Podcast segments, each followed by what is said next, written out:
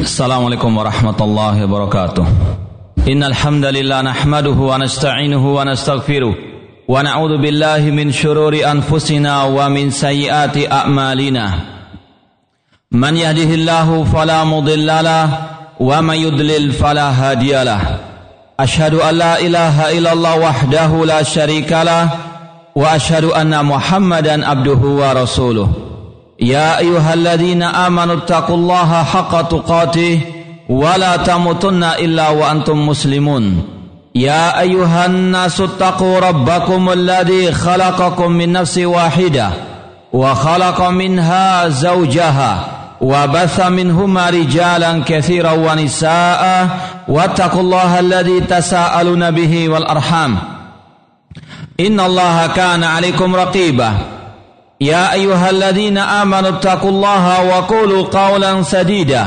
يصلح لكم أعمالكم ويغفر لكم ذنوبكم. ومن يطع الله ورسوله فقد فاز فوزا عظيما. أما بعد فإن أصدق الحديث كتاب الله وخير الهدي هدي محمد صلى الله عليه وسلم. وشر الأمور محدثاتها. وكل محدثة بدعة. Wa kulla bid'atin dalalah wa kulla dalalatin finnar.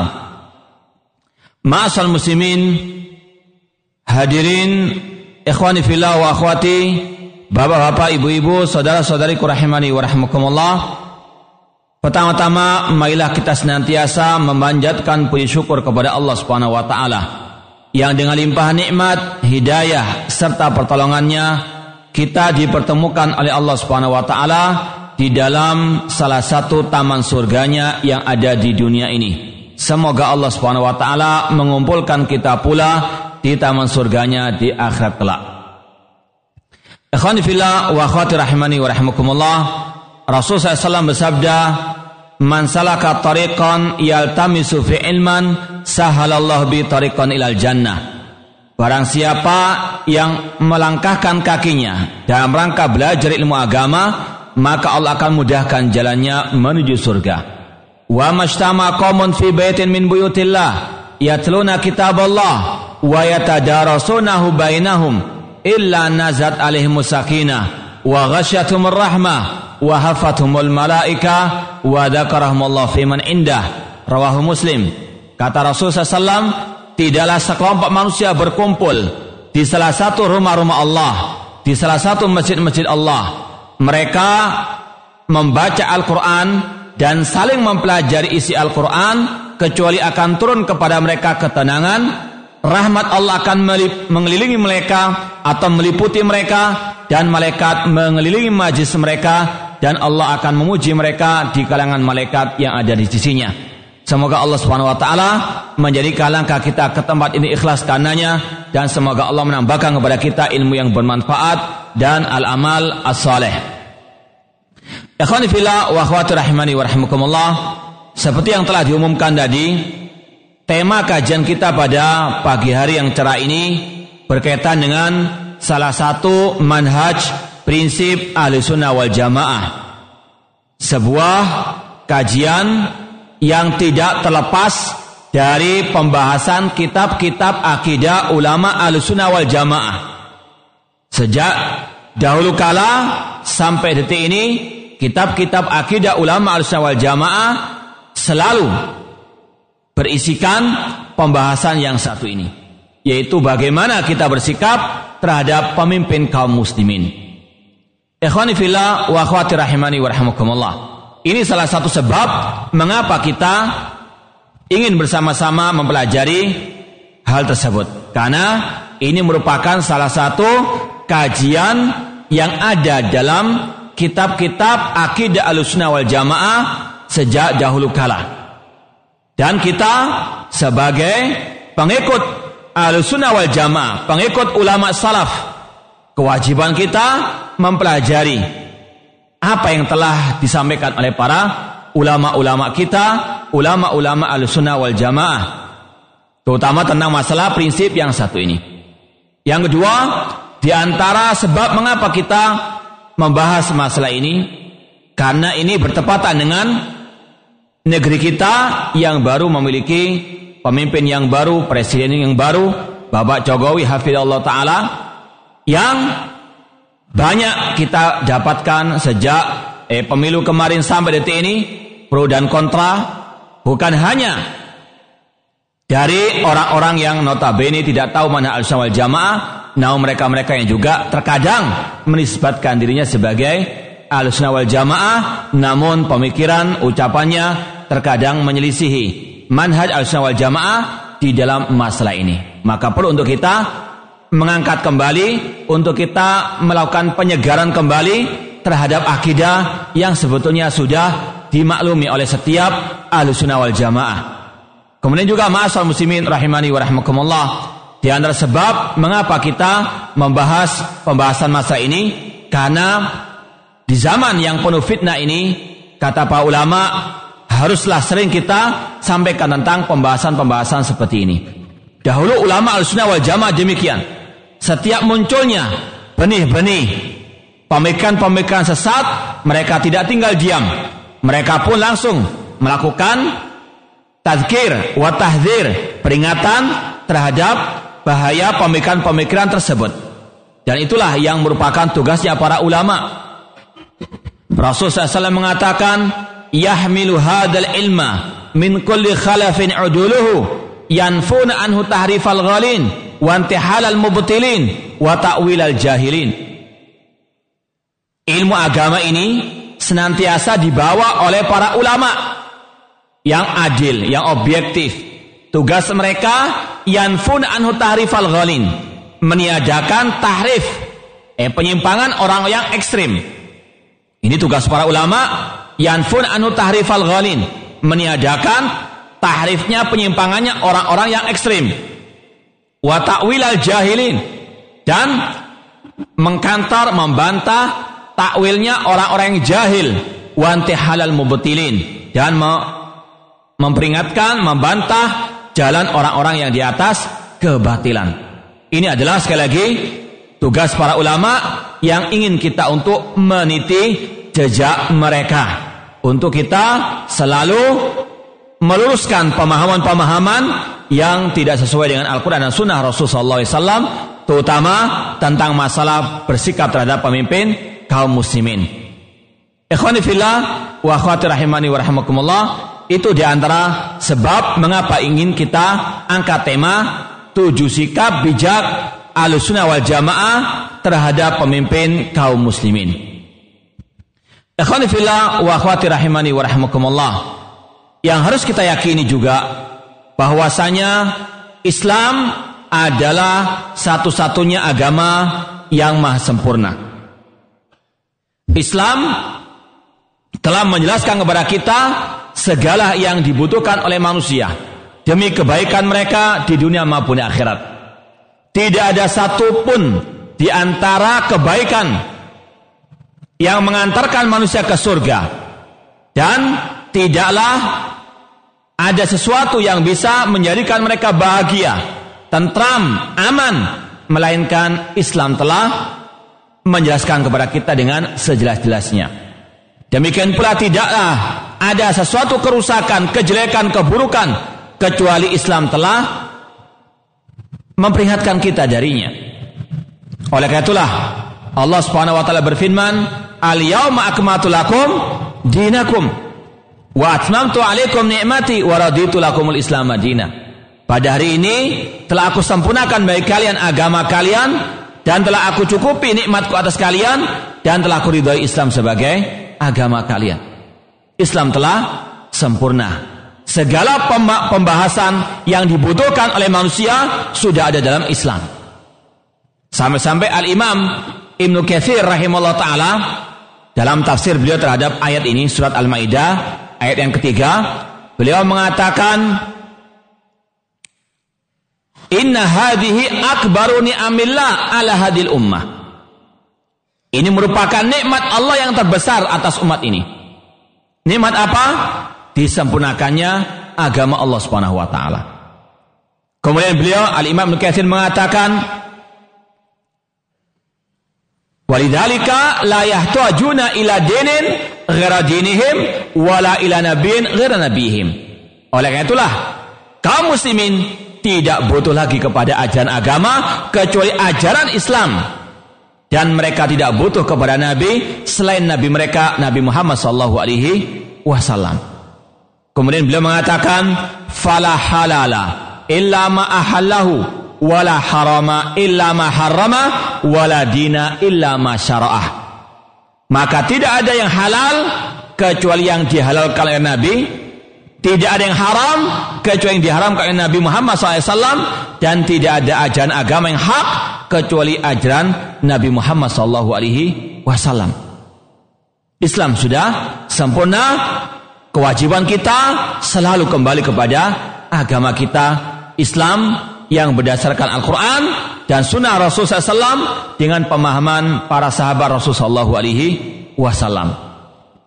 Dan Rasulullah SAW juga mengatakan ma baqiya syai'un yuqarribu minal jannah wa yubaidu minan nar illa waqad buyyina lakum.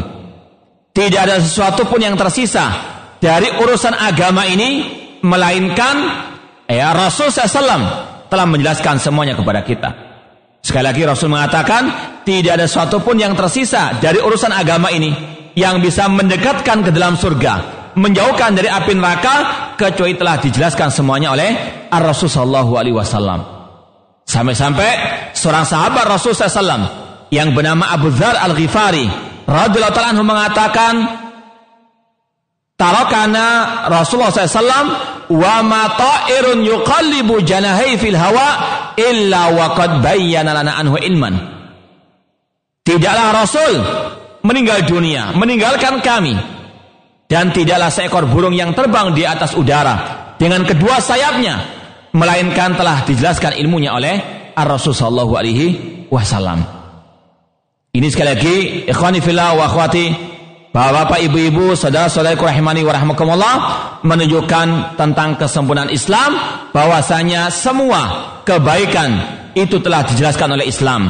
Demikian pula tidak ada kejelekan kecuali Islam telah memperingatkannya. Maka tugas kita untuk kita mempelajari agama kita ini sekali lagi yang berdasarkan Al-Quran dan Sunnah Rasulullah SAW dengan pemahaman yang benar, pemahaman para sahabat Rasulullah Wasallam.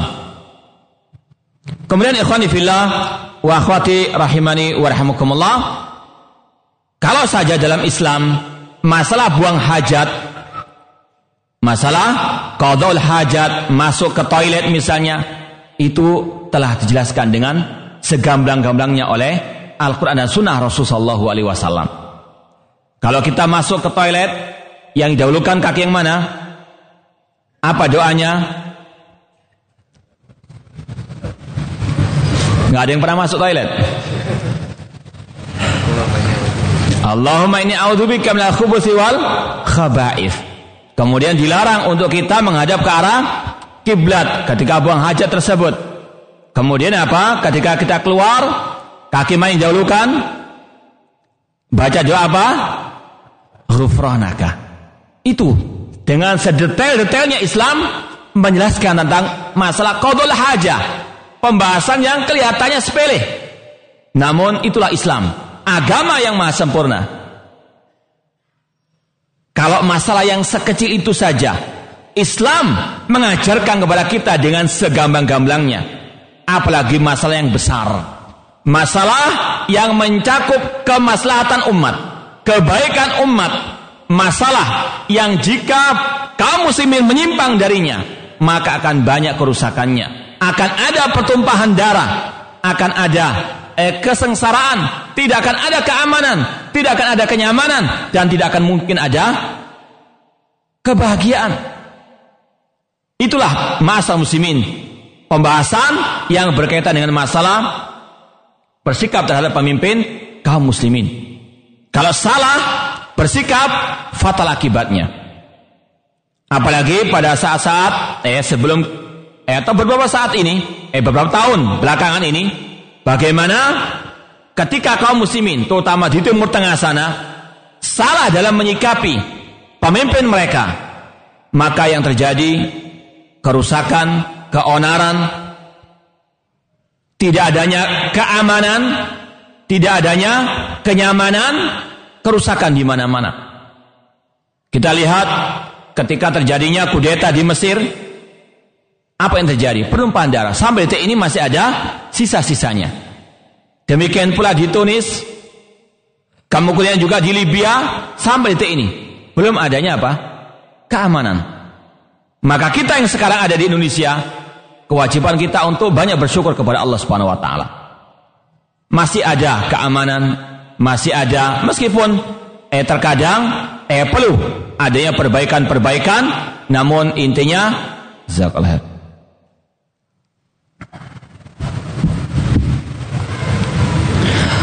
Intinya, jika dibandingkan dengan negara-negara tersebut yang telah mengalami pergolakan, mengalami kudeta, pemberontakan, eh sangat amat jauh. Maka sekali lagi kita bersyukur kepada Allah. Dan nikmat seperti ini wajib untuk kita pertahankan. La in syakartum la azidannakum wa la in kafartum inna azabila syadid. Jika kalian bersyukur akan kami tambahkan nikmatku dan jika kalian kufur sesungguhnya azabku sangat sangat pedih. Oleh karena itulah sekali lagi masalah muslimin kita ingin untuk bersyukur kepada Allah dengan adanya keamanan ya yang ada di negeri kita ini meskipun sekali lagi perlu adanya penambahan perlu adanya perbaikan namun innallaha la yughayyiru ma biqaumin hatta yughayyiru ma bi anfusihim. Sesungguhnya Allah tidak akan mungkin merubah nasib suatu kaum sampai mereka merubah nasib mereka sendiri. Bismillah.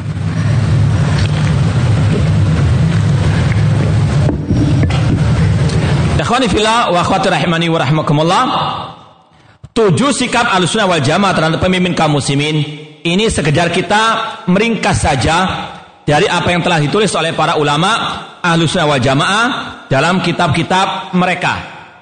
Insya Allah kalau kita bahas kitab akidah Ahlussunnah wal Jamaah ya seperti misalnya kitab Usul Sunnah yang dikarang oleh Imam Ahmad rahimahullah atau mungkin kitab Syarah Akidah Tahawiyah kita akan mendapati ya pembahasan-bahasan tentang masalah hal ini.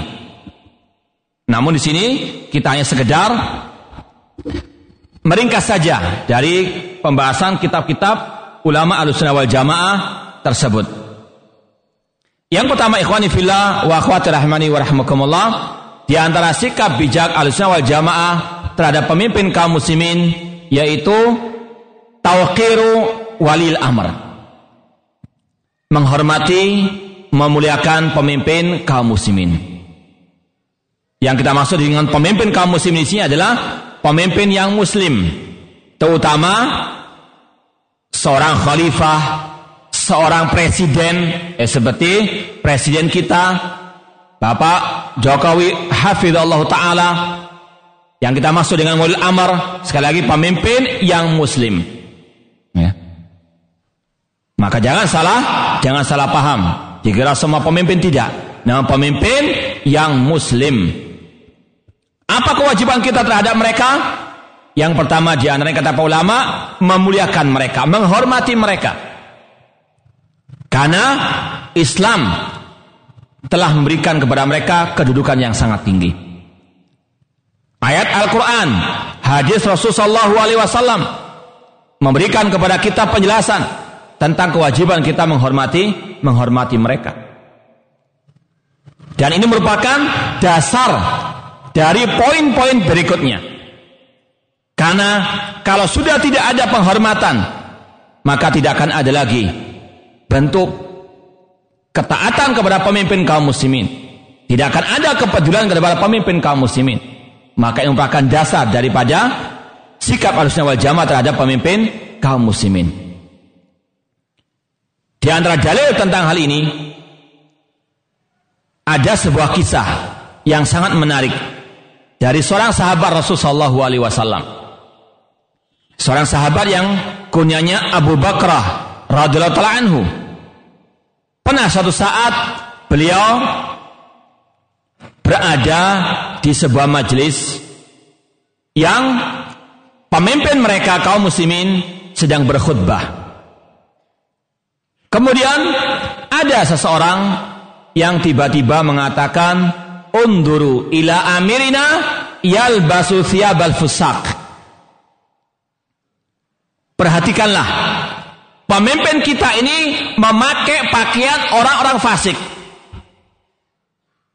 Ini apa? Lidah yang tak tak bertulang. Tidak apa? Tidak dijaga.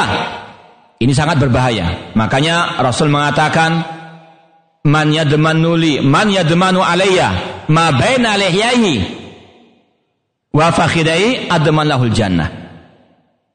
Man yadmanuli ma baina syafatai wa baina fakhidai admanahul jannah. Baina lihyai barang siapa yang menjamin bagiku apa yang ada di antara eh, kedua eh, atau mulutnya barang siapa yang menjaga mulutnya dan yang ya kemaluannya maka aku menjamin baginya surga. Artinya barang siapa yang bisa menjaga mulut dan kemaluannya maka aku jamin baginya surga. Maka eh, lisan sekali lagi ini sangat amat berbahaya. Kalau kita lihat bagaimana sabda Rasul SAW tentang masalah bahaya lisan, Rasul mengatakan wahal yakubun nasa finari ala wujuhihim au ala manakhirihim illa hasaidu alsinatihim. Tidaklah yang menjerumuskan manusia ke dalam api neraka di atas wajah-wajah mereka kecuali karena apa? Hasil lisan lisan mereka. Makanya juga Rasul berpesan ketika ada seorang sahabat yang datang kepada beliau Aidni wa aujis. Ya Rasulullah, aidni. Berilah aku wejangan yang singkat. Di antaranya kata Rasulullah, wala takallam bikalamin tak taru min hugodan. Jangan engkau berbicara yang nanti ya pada hari kiamat engkau akan menyesal. Karena itu mengobrol ucapan yang sangat amat memurkahi Allah Subhanahu wa taala. Makanya Rasul juga mengatakan, "Man kana yu'minu billahi wal yawmil akhir, falyakul khairan aw liyasmut." Barang siapa yang beriman kepada Allah kepada Allah dan hari akhir, maka adalah dia diam atau hendaklah dia berkata baik atau apa?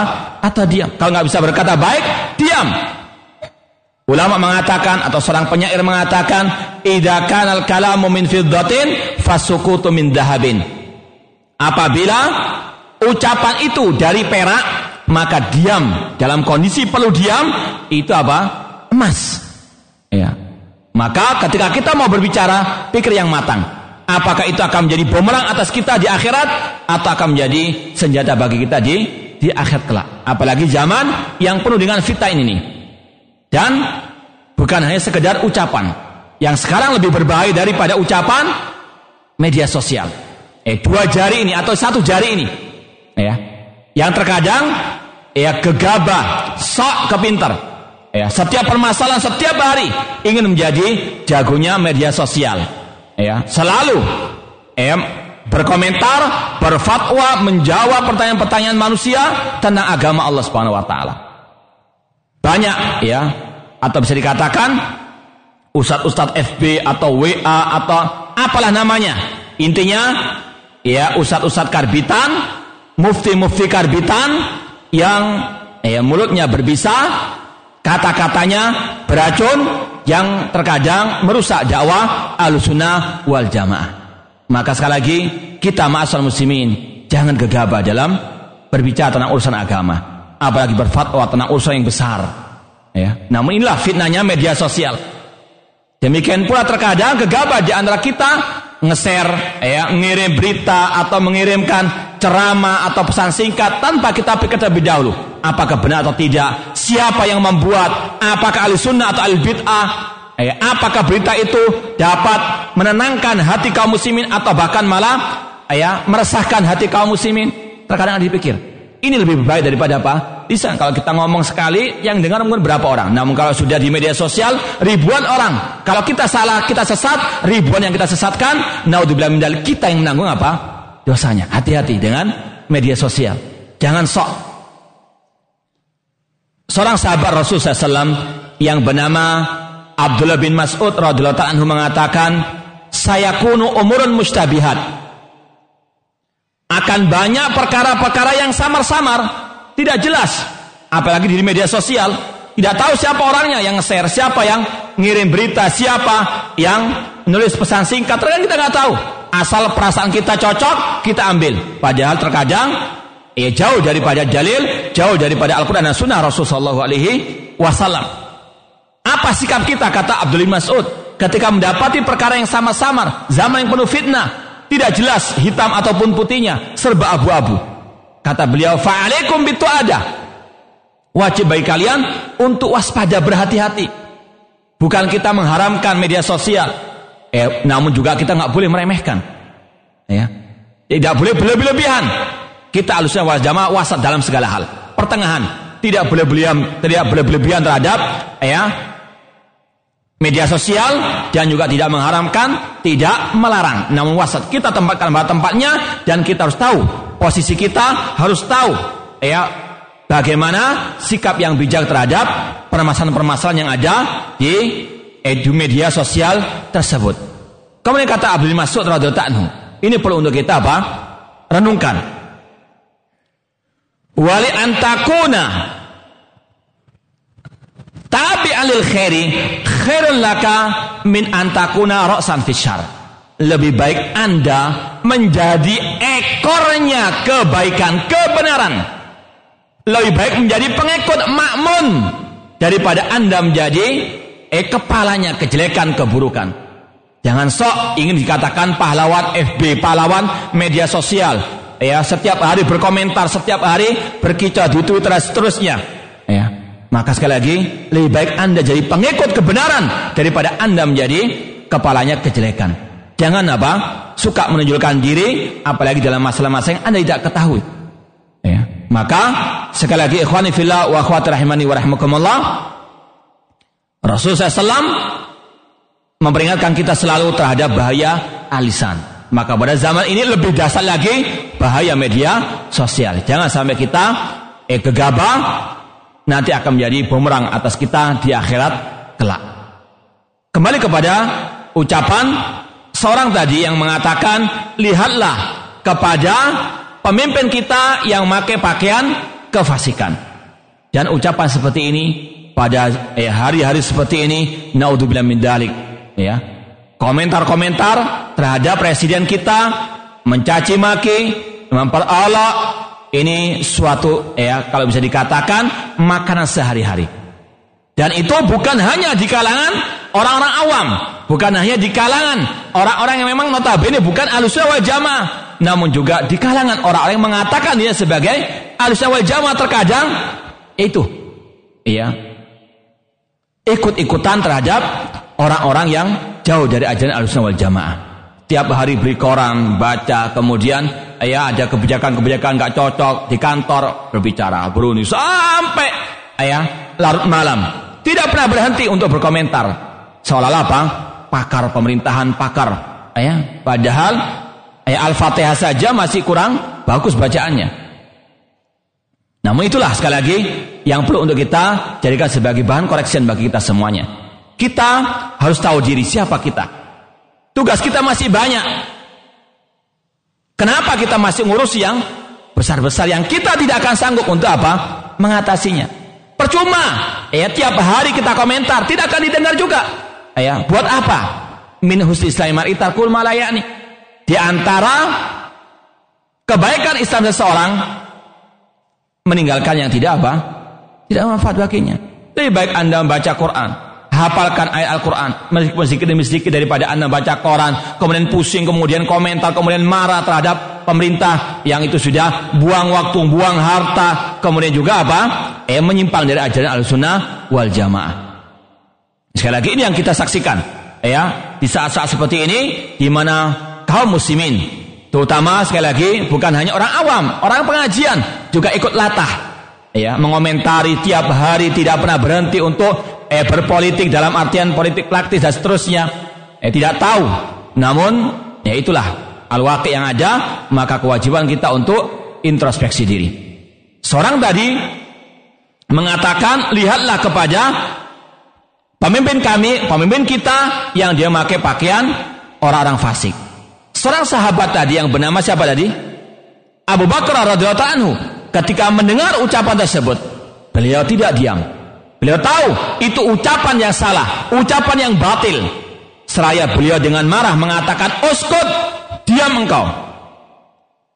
Kemudian beliau membawakan sebuah hadis Rasulullah SAW yang berbunyi Man akrama sultanallah akramahullah wa man ahana sultanallah ahanahullah Barang siapa yang memuliakan pemimpin kaum muslimin Allah akan memuliakannya wa man ahana sultanallah ahanahullah namun sebaliknya barang siapa yang menghinakan memperolok ya mem ngejek mengecam dan seterusnya maka Allah akan menghinakannya. Al jaza min jinsil amal.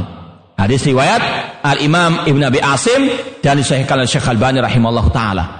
Ikhwani fillah wa akhwati rahimani wa rahmakumullah. Di dalam kisah ini ada beberapa hal yang perlu untuk kita petik eh, pelajaran darinya. Yang pertama, eh, diharamkannya memperolok, diharamkannya menghinakannya pemimpin kaum muslimin. Ini termasuk larangan Allah dan Rasulnya Shallallahu Alaihi Wasallam. Larangan itu bukan hanya kita meninggalkan khomor, meninggalkan ya minuman keras atau meninggalkan narkoba, korupsi. Namun jangan larangan Allah dan Rasulnya yang wajib untuk kita jauhi, larangan untuk mencela pemimpin kaum muslimin. Kalau kita mungkin biasa, ya sudah biasa meninggalkan hal yang haram-haram tersebut, ya babi, meninggalkan minum khamar, namun terkadang kita nggak sadar mencela pemimpin, ya, mengomentari kebijakan pemimpin dengan eh, ucapan yang miring, ucapan yang negatif itu juga termasuk apa kita jatuh ke dalam larangan Allah Subhanahu wa taala. Namun ini yang banyak tidak disadari. Seolah-olah permasalahan-permasalahan mubah. Seolah-olah ini apa? Tidak ada kaitan dengan agama. Namun naudzubillah min dalik. Ini masalah prinsip Ahlussunnah wal Jamaah. Ya. Ini bukan masalah apa? Masalah urusan dunia semata, namun ini adalah larangan Allah Subhanahu wa taala. Larangan mencela, menghinakan pemimpin kaum muslimin. Dan naudzubillah min dalik. Eh, kalau kita lihat eh zaman sekarang memang inilah ya korban-korban media sosial, korban-korban media massa setiap hari kaum muslimin dijejali dengan apa? celaan-celaan terhadap pemimpin kaum muslimin. Padahal itu sekali lagi merupakan bentuk penyimpangan terhadap Al-Qur'an dan sunnah Rasulullah sallallahu alaihi wasallam. Kemudian pelajaran yang kedua dari kisah tersebut, kisah seorang sahabat yang bernama Abu Bakrah radhiyallahu anhu bahwasanya kewajiban kaum muslimin memuliakan pemimpin mereka. Namun Islam sudah kita sampaikan tadi selalu wasat pertengahan. Tidak ifrat, tidak tafrid, tidak berlebihan, tidak meremehkan dalam segala hal. Islam adalah apa? Ihdinas siratal mustaqim. Ya Allah jauhkanlah kami, ya Allah tunjukkanlah kami ke jalan yang lurus. Ini adalah siratul mustaqim, jalan pertengahan. Ghairil maghdubi alaihim bukan jalan orang yang kau murkai yaitu al-yahud dan bukan jalannya orang ad-dalin, orang Nasara. Islam pertengahan asratul mustaqim.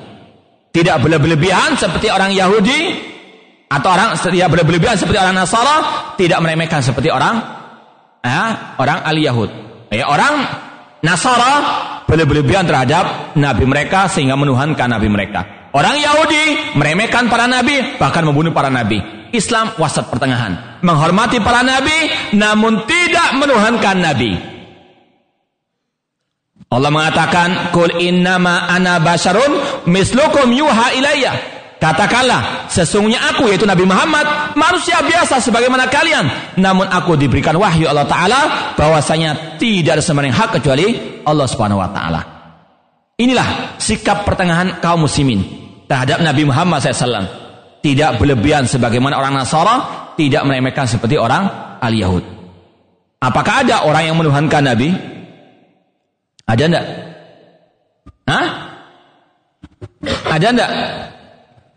Enggak ada ya? Hah? Enggak ada sedikit. Banyak sekali mereka-mereka yang menuhankan Nabi Muhammad wasallam. Antum dengar istilah salawat nariyah? Hah? Pernah hafal?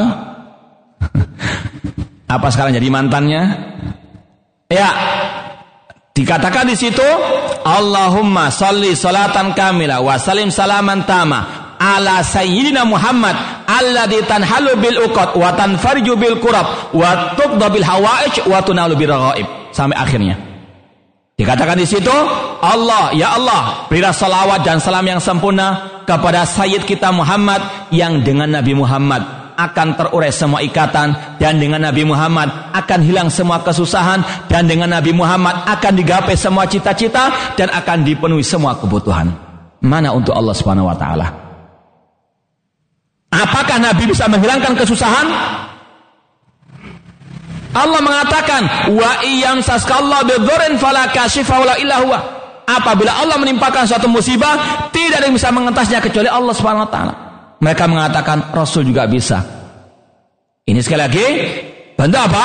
Mereka menuhankan Nabi Muhammad, ingin untuk mensejajarkan Nabi Muhammad dengan Allah Subhanahu wa taala.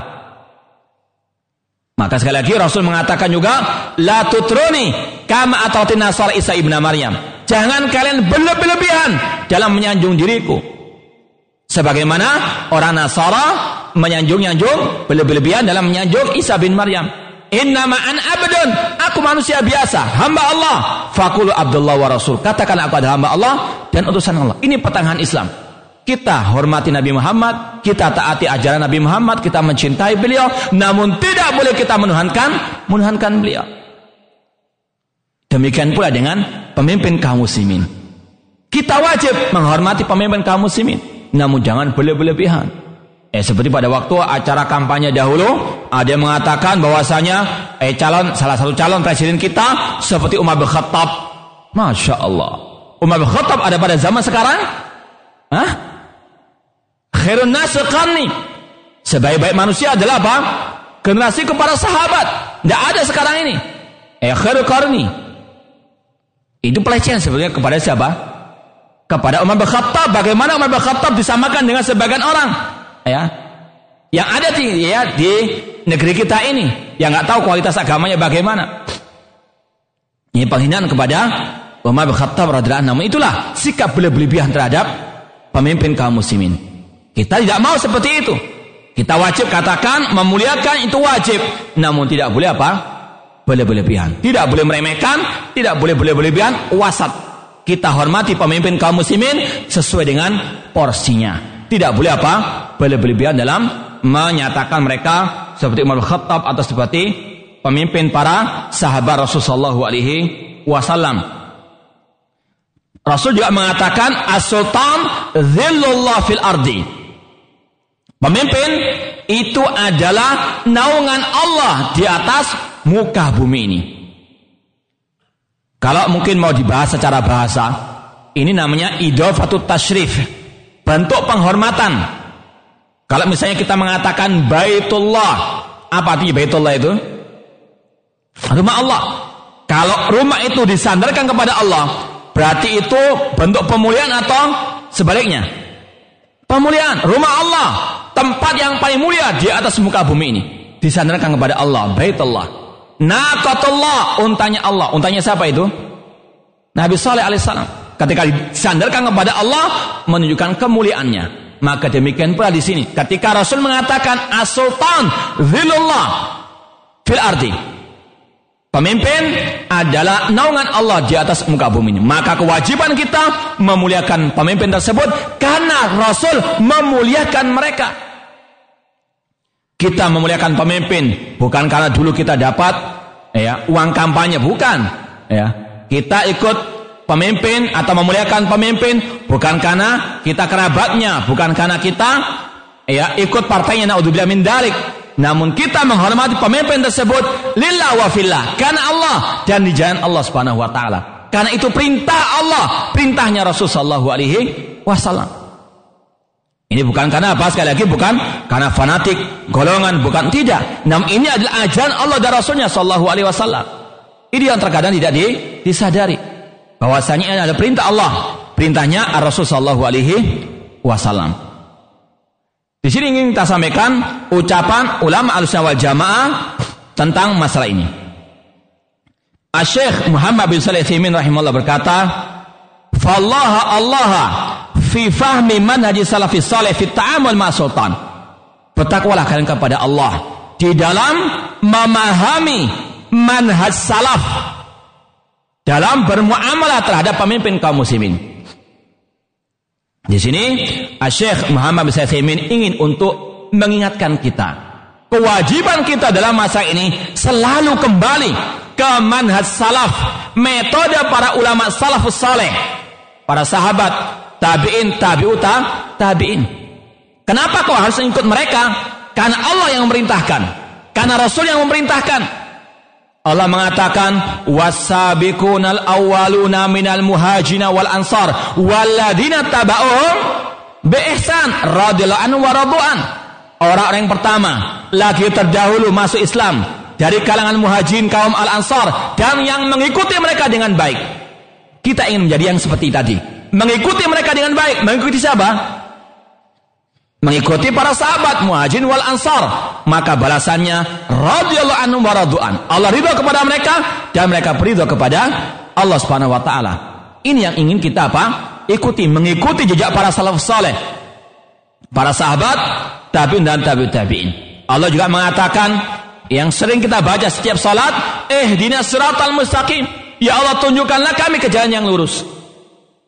Kata Al-Imam Ibn Qayyim rahimahullah, asratul mustaqim adalah jalannya Abu Bakar As-Siddiq, jalannya Umar bin Khattab dan jalannya para sahabat Rasulullah alaihi wasallam.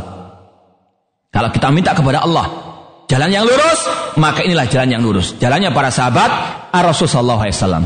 Intinya dalam beragama kita wajib mengikuti jejak para sahabat Rasulullah SAW. Khususnya dalam masalah ini menyikapi pemimpin kaum muslimin. Rasul juga mengatakan Sataftariqu hadhihi umma ala salasin wa sabila firqa kullu finar illa wahidah. Umat Islam akan terpecah menjadi 73 golongan, semuanya masuk neraka kecuali satu kata Rasulullah SAW. Ketika para sahabat bertanya, "Mah ya, ya Rasulullah, siapa yang selama itu ya Rasulullah?" Rasul menjawab, "Ma ana alaihi wa ashabi." Yang selama itu yang mengikuti aku dan para sahabatku. Ini yang wajib untuk kita yakinkan dalam diri kita. Tidak akan ada kebenaran kalau kita menyimpang dari ajaran para sahabat Rasulullah SAW. Maka Islam yang benar adalah Islam yang sesuai dengan Al-Quran dan hadis Rasulullah SAW yang sahih dengan pemahaman para sahabat Rasulullah SAW. Apalagi Rasul juga mengatakan khairun nasi qarni summa ladina yunahum summa ladina yalunahum sebaik-baik manusia generasi para sahabat. Kemudian mereka setelahnya para tabiin dan yang setelah mereka para tabiut tabiin. Itulah saleh yang wajib untuk kita apa? Pegang erat-erat metode hidup mereka, metode agama mereka. Makanya di sini Syekh Muhammad bin Sayyid mengatakan Fallaha Allah fi fahmi manhaji salafis saleh fi ta'amul ma sultan. Eh, bertakwalah kalian kepada Allah dalam kalian memahami manhaj salafus saleh dalam bermuamalah terhadap pemimpin kaum muslimin. Kita sekali lagi bermanhaj seperti ini hanya mengikut saja ajaran para salafu as-saleh. Hanya sekedar ya mengingatkan kembali kepada ajaran yang benar, ajaran para salafu as-saleh. Syekhul Islam Ibnu Taimiyah rahimahullah mengatakan la aiba liman azhara madhhab salaf wantasaba ilaihi wa tazza ilaihi bal yajibu dzalika bal yajibu qabulu dzalika bil ittifaq. Fa inna madhhab salaf la yakunu ila haqqan. Tidak tercela orang yang menampakkan madhab salaf manhaj salaf. Dan dia menisbatkan dirinya kepada manhaj salaf kepada madhab salaf. Dengan mengatakan salafi atau dakwah salafiyah atau salafiyun kata Syekh Islam Taimiyah tidak tercela dan dia berbangga dengan madhab salaf. Bahkan itu wajib diterima sesuai dengan kesepakatan. Fa inna madhab salaf la yakunu ila haqqan. Karena manhaj salaf, madhab salaf itu pasti benar. Itu yang harus kita yakini. Madhab salaf, manhaj salaf pasti benar. Karena manhaj salaf adalah Al-Quran dan Sunnah dengan pemahaman para salafu as Itu metode manhaj, mazhab, as-salaf itu maksum dari kesalahan. Adapun person-personnya yang menyampaikan tidak maksum. Kulun yukhad min qali wa itrak illa Rasul sallallahu alaihi wasallam. Jadi bedakan antara oknum, person, eh pribadi dengan metode itu sendiri. Kalau metodenya maksum, ya madhab salaf kata Syekh Utsaimin Taimiyah rahimahullah la yakunu ila haqqan Adapun person-personnya bisa salah kulun yukhad min qali wa itrak ila Rasul sallallahu alaihi wasallam. Di sini intinya Syekh Muhammad bin Saimin menyerukan kepada kita kaum muslimin untuk kita selalu kembali ke manhaj salaf terutama dalam bermuamalah, bersikap terhadap pemimpin kaum muslimin. Kemudian kata beliau, wa alla yattakhid min akhta'is sultan sabilan li itharatin nas wa ila tanfiril qulub an wulatil umur. Tidak boleh seorang pun untuk menjadikan kesalahan pemimpin sebagai wasilah jalan untuk memprovokasi masa, untuk menjauhkan hati-hati manusia dari pemimpin kaum muslimin. Ini di antara apa? Manhaj salaf. Jangan jadi provokator. Ya. Jangan apa? Menghasut masyarakat, rakyat untuk benci kepada pemimpin kaum muslimin. Maka hati-hati. Eh, jangan suka komentar di media sosial misalnya atau di ceramah-ceramah, di khutbah-khutbah pengajian, jangan suka apa? Ya, mencela tidak dibolehkan, diharamkan mencela, menghasut ayat kaum muslimin untuk benci kepada pemimpin kaum muslimin. Itu sekali lagi bukan termasuk manhab salaf sama sekali. Kemudian kata beliau, fahada ainul mafsadah. Provokasi terhadap pemimpin kaum muslimin ini merupakan sumbernya kerusakan. Ya. Apalagi kalau kita ingat provokator pertama dalam sejarah kaum muslimin itu kalau bisa dikatakan provokator pertama adalah seorang Yahudi yang masuk Islam dalam keadaan munafik untuk menghancurkan Islam dari dalam. Siapa itu? Abdullah bin Sabah al-Yahudi. Kalau antum lihat sejarahnya, bagaimana dia memprovokasi masa. Orang-orang awam dihasut ya dipengaruhi, diprovokasi untuk apa? Benci kepada Al Khalifah Rashid bin Nurain Utsman bin Affan radhiyallahu taala anu dan dia berhasil menghasut masa yang yang jahil. Inilah kejahilan ini sangat bahaya. Eh, makanya kaum muslimin wajib untuk mengentaskan kejahilan daripada ya, diri mereka terhadap agama Allah Subhanahu wa taala. Kalau dia tetap jahil akan mudah jadi korban-korban para provokator tersebut. Abdul bin Sabah keliling sebagian negeri-negeri kaum muslimin, terutama di Mesir. Ya, untuk memprovokasi, memprovokasi masa, menghasut masa benci kepada Al Khalifah Rasid Utsman bin Affan. Kemudian dia pun berhasil untuk mengadakan demo di hadapan ya rumah Utsman bin Affan radhiyallahu anhu. Kemudian terjadilah apa? Kudeta terhadap pemimpin kaum muslimin terjadilah pembunuhan terhadap Al Khalifah Rashid Utsman bin Affan radhiyallahu anhu. Maka inilah yang harus kita waspadai. Jangan mengikuti Abdullah bin Sabah sebagai provokator atau yang menjadi korbannya Abdullah bin Sabah.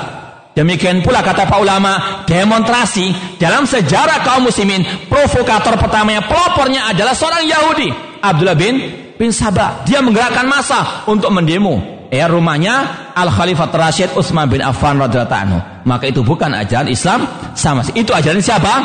Ajarannya Al Yahud. Ya. Maka kalau ada gerakan-gerakan Islam mengadakan demonstrasi dirikan khilafah Islamiyah, nggak sadar itu programnya siapa? Al Yahud. Ya. Tidak ada Imam Syafi'i, Imam Malik, Imam Abu Hanifah, Imam Ahmad memerintahkan untuk apa? Demonstrasi. Imam Ahmad pernah dipenjara pada kekhalifahan eh, Al-Ma'mun. Namun tidak pernah beliau apa? Memprovokasi massa untuk ma, ya, mendemonstrasi penguasa pada waktu itu. Itu sekali lagi bukan ajarannya Islam dan kaum muslim itu ajarannya orang kafir, di antaranya ajarannya Abdullah bin Sabah al-Yahudi untuk memecah belah barisan kaum muslimin untuk melemahkan eh barisan kaum muslimin. Maka kata Syekh Muhammad bin Saimin ya hasutan provokasi terhadap masa untuk benci penguasa itu adalah ainul mafsadah. Dan yang sangat kita apa? Sesalkan. Eh bahkan ada di webnya sebagian ya mereka-mereka yang mengaku sebagai dai alusuna wal jamaah itu masih penuh dengan kritikan-kritikan terhadap pemimpin kaum muslimin terhadap presiden kita yang lalu apa yang sekarang. Ya jika nasihati dan sebagainya namun tetap ya. Makanya sekali lagi ya ini zaman fitnah ya pembahasan masa ini sudah dimaklumi sebetulnya oleh yang mengatakan diri alusna wal jamaah atau salafiyun Namun kita sangat sayangkan kita masih temui di web-web sebagian mereka yang mengaku al wal jamaah masih mengkritik pedas pemimpin kaum muslimin. Padahal itu kata Syekh Muhammad Zaimin ainul mafsadah, bukan manhaj salaf sama sekali. Namun naudzubillah min dalik, itulah kenyataan yang ada.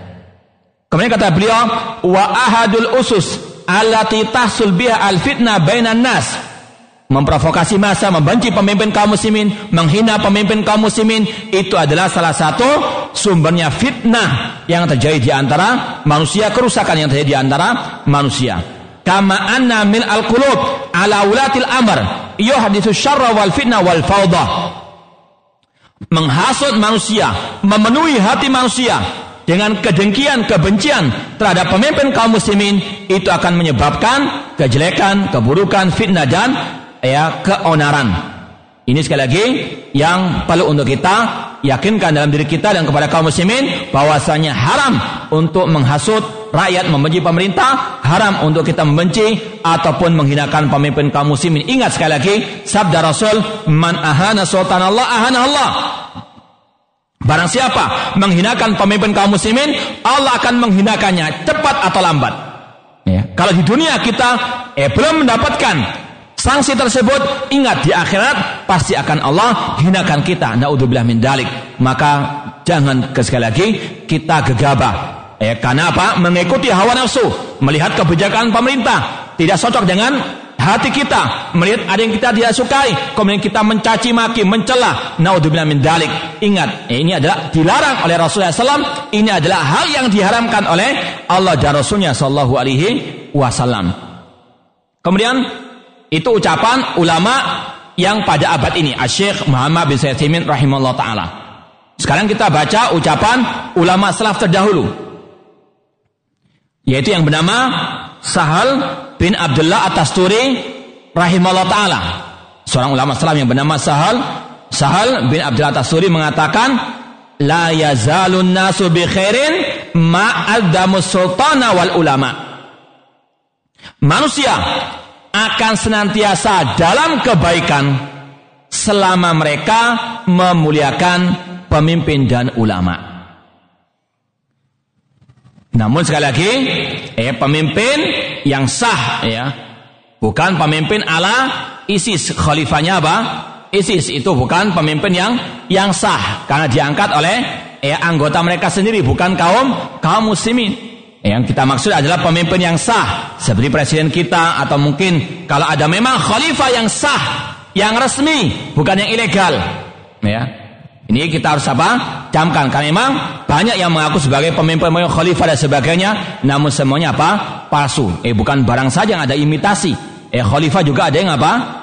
Ada yang imitasi, khalifahnya ISIS di antaranya. Ini bukan yang kita maksudkan. Yang kita maksudkan adalah sekarang lagi kita lebih tujukan kepada pemimpin kita, pemimpin negeri kita ini yang eh, banyak sekarang mengalami apa dan kontra dan sebagainya. Yang kan sudah tidak ya, asing lagi bagi kita, bahkan media pun sangat jelas yang ini nyiarkan kebaikannya, yang kejelekannya. Ini naudzubillah min dalik. Seorang ulama salah yang bernama Sahal bin Abdullah Tasuri mengatakan tadi, la yazal nasu bi khairin ma sultan wal ulama senantiasa manusia dalam kebaikan selama mereka memuliakan pemimpin dan ulama. Namun yang betul-betul apa? Ulama, bukan yang lama, bukan juhala, namun ngaku-ngaku sebagai ulama. Namun betul-betul ulama yang mereka paham Al-Quran dan Sunnah Rasul SAW. Tentunya yang hafal Al-Quran, yang hafal hadis-hadis Rasul SAW. Eh kalau ada orang yang dikatakan ulama nggak hafal juz amma, ya ini bukan ulama, ya ulamanya TPA, ya betul. Kalau ulama sebenarnya hafal Al-Quran, hafal mungkin ribuan hadis Rasulullah SAW. Kalau mungkin dari pengalaman kita melihat bagaimana sosok ulama. Contoh yang pernah kita dapati dari sosok seorang ahli hadis kota Madinah, Syekh Abdul Musin Al-Abad Al-Badar. Hafidhullah Ta'ala. Ya, bagaimana ya ulama itu sebenarnya. Beliau kalau mengajar di Masjid Nabawi setiap hari mengajar Kutubus Sittah ya yang pernah kita dulu belajar kepada beliau kitab Sunan Abu Dawud metode beliau mengajar itu ada sang pembacanya seorang dokter hadis ya itu membacakan hadis misalnya dengan perawi-perawinya hadasana fulan an fulan an fulan an fulan fulan Kemudian disebutkan matanya. Beliau ketika menjelaskan itu beliau nggak langsung jelaskan isinya, perawinya dijelaskan. Sang perawi, misalnya hadasan al Imam Abu Dawud mengatakan hadasan al Nabi. Al Nabi ini nama belakang seperti Asy-Syafi'i. Namanya Imam Syafi'i siapa? Muhammad bin Idris. Ah, demikian pula di sini beliau mengatakan al Nabi namanya Muhammad bin Maslamah. Tidak cukup ini saja. Rawi ini diriwayatkan oleh Imam Bukhari, Imam Muslim, Imam Abu Dawud dengan hafalan yang ada di dada beliau. Semua perawi beliau sebutkan seperti itu. Ini siqah, ini daif dan seterusnya. Ini namanya apa? Lama. Kemudian beliau tanpa melihat buku bisa mengulang kembali hadis yang dibacakan oleh sang qari tadi. Itu menunjukkan apa? Beliau hafal. Betul enggak? Sekarang antum misalnya, anda bacakan hadis. Antum suruh mensara, bisa enggak? Mengulangi hadisnya saja apa? Haha la adri. Ya kan? Nah itulah. Ya, itu setiap hari demikian. Meskipun hadisnya panjang, ya, beliau hafal. Ya, mensara apa? Tanpa melihat kitabnya. Langsung beliau hafalkan dan beliau tahu syarahnya. Itu menunjukkan bagaimana ya ulama. Ya. Makanya ya dengan tidak mengurangi hormat kita kepada ya uh, negara kita ini kita belum punya sosok ulama seperti seperti itu. Ya. Apalagi di antaranya apa? Ya ulama itu akan kita ketahui lewat rekomendasi ulama-ulama yang yang lainnya. Demikian pula dengan karya-karyanya. Ya sekarang negeri kita. Siapa yang punya karya ilmiah dengan apa? Rekomendasi dari ulama-ulama besar dunia misalnya. Belum ada. Jangankan untuk mengarang ya Bahasa Arabnya saja masih eh belepotan istilahnya begitu. Ya. Ini intinya sekali lagi harus juga kita waspada. Tidak semua yang dikatakan ulama itu apa? Ulama. Ya kita harus apa? Betul-betul berhati-hati. Kemudian kata As-Sahal atau kata Sal bin Abdul Tasturi, fa in adbamu hadain aslahallahu dunyahum wa ukhrahum. Kalau manusia itu sudah memuliakan dua golongan tadi, ulama wal umara, maka Allah akan memperbaiki dunia mereka dan akhirat mereka. Karena memang ini adalah perintah Allah dan Rasulnya. Kalau orang itu menyimpang dari perintah Allah dan perintah Rasulnya, yang ada adalah apa? Kerusakan yang ada adalah musibah. Allah mengatakan, "Falyahdharil ladina yukhalifuna an amrihi an tusibahum fitnatun aw yusibahum adzabun alim." Maka berhati-hatilah orang-orang yang menyimpang dari ajarannya Rasul untuk mereka ditimpa suatu fitnah atau azab, azab yang pedih.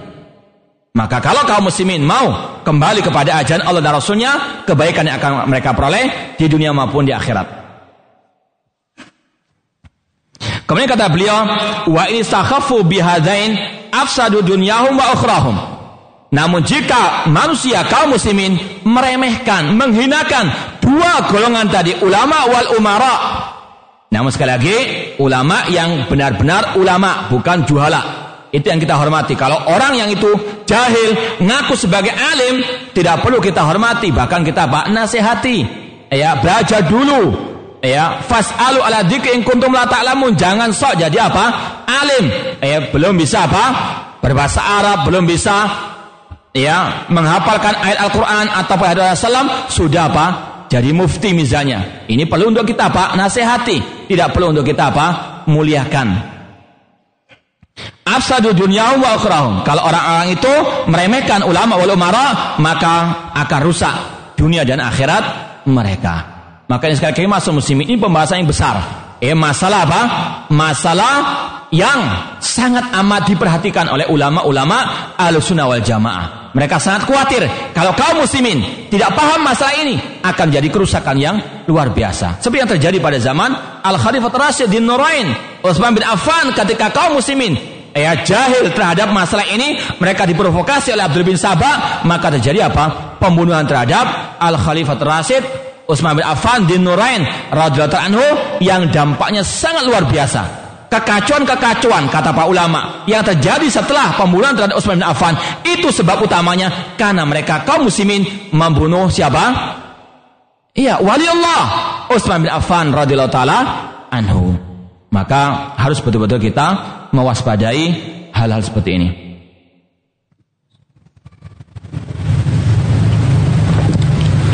Yang kedua di antara sikap Ahlussunnah wal Jamaah terhadap pemimpin kaum muslimin yaitu asam wa ta'a liwal amr fil ma'ruf. Mendengar dan taat kepada pemimpin kaum muslimin dalam hal yang ma'ruf, yang tidak berbau kemaksiatan. Ini merupakan follow up kelanjutan dari sikap memuliakan pemimpin kaum muslimin.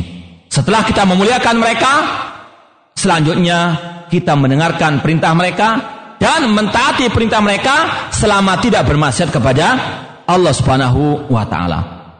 Dan ini banyak sekali dituangkan oleh para ulama dalam kitab-kitab akidah al-sunnah wal jamaah tentang masalah kewajiban mendengar dan taat kepada pemimpin kaum muslimin. Dalil tentang hal ini banyak sekali. Di antaranya dalam ayat Al-Quran yang sudah insya Allah kita sering dengarkan, surat An-Nisa ayat 59. Yaitu firman Allah apa bunyinya? Ya ayuhalladina amanu ati Allah wa ati Rasul wa ulil amri minkum. Wahai orang yang beriman, taatilah Allah dan taatilah Rasul dan pemimpin di antara kalian. Kata para ulama tafsir, di dalam ayat ini Allah menyatakan ati Allah wa ati Rasul. Ada kata-kata atiu. Namun giliran ulil amri tidak ada kata-kata apa? Atiu. Ini menunjukkan ta'atu walil amr muqayyadatun wa laysat mutlaqah. Bahwasanya ketaatan kepada pemimpin kaum muslimin itu muqayyadah terikat. Terikat dengan apa? Dengan ati Allah wa ati Rasul. Dalam artian kita taat kepada pemimpin selama tidak memaksiati Allah dan Ar-Rasul. Ya, tidak secara mutlak. Ini juga wasatiyatu al-sunnah. Pertengahannya al-sunnah wal jamaah. Tidak meremehkan, tidak berlebihan. Ya, tidak berlebihan dalam artian semua perintah yang ditaati. Tidak.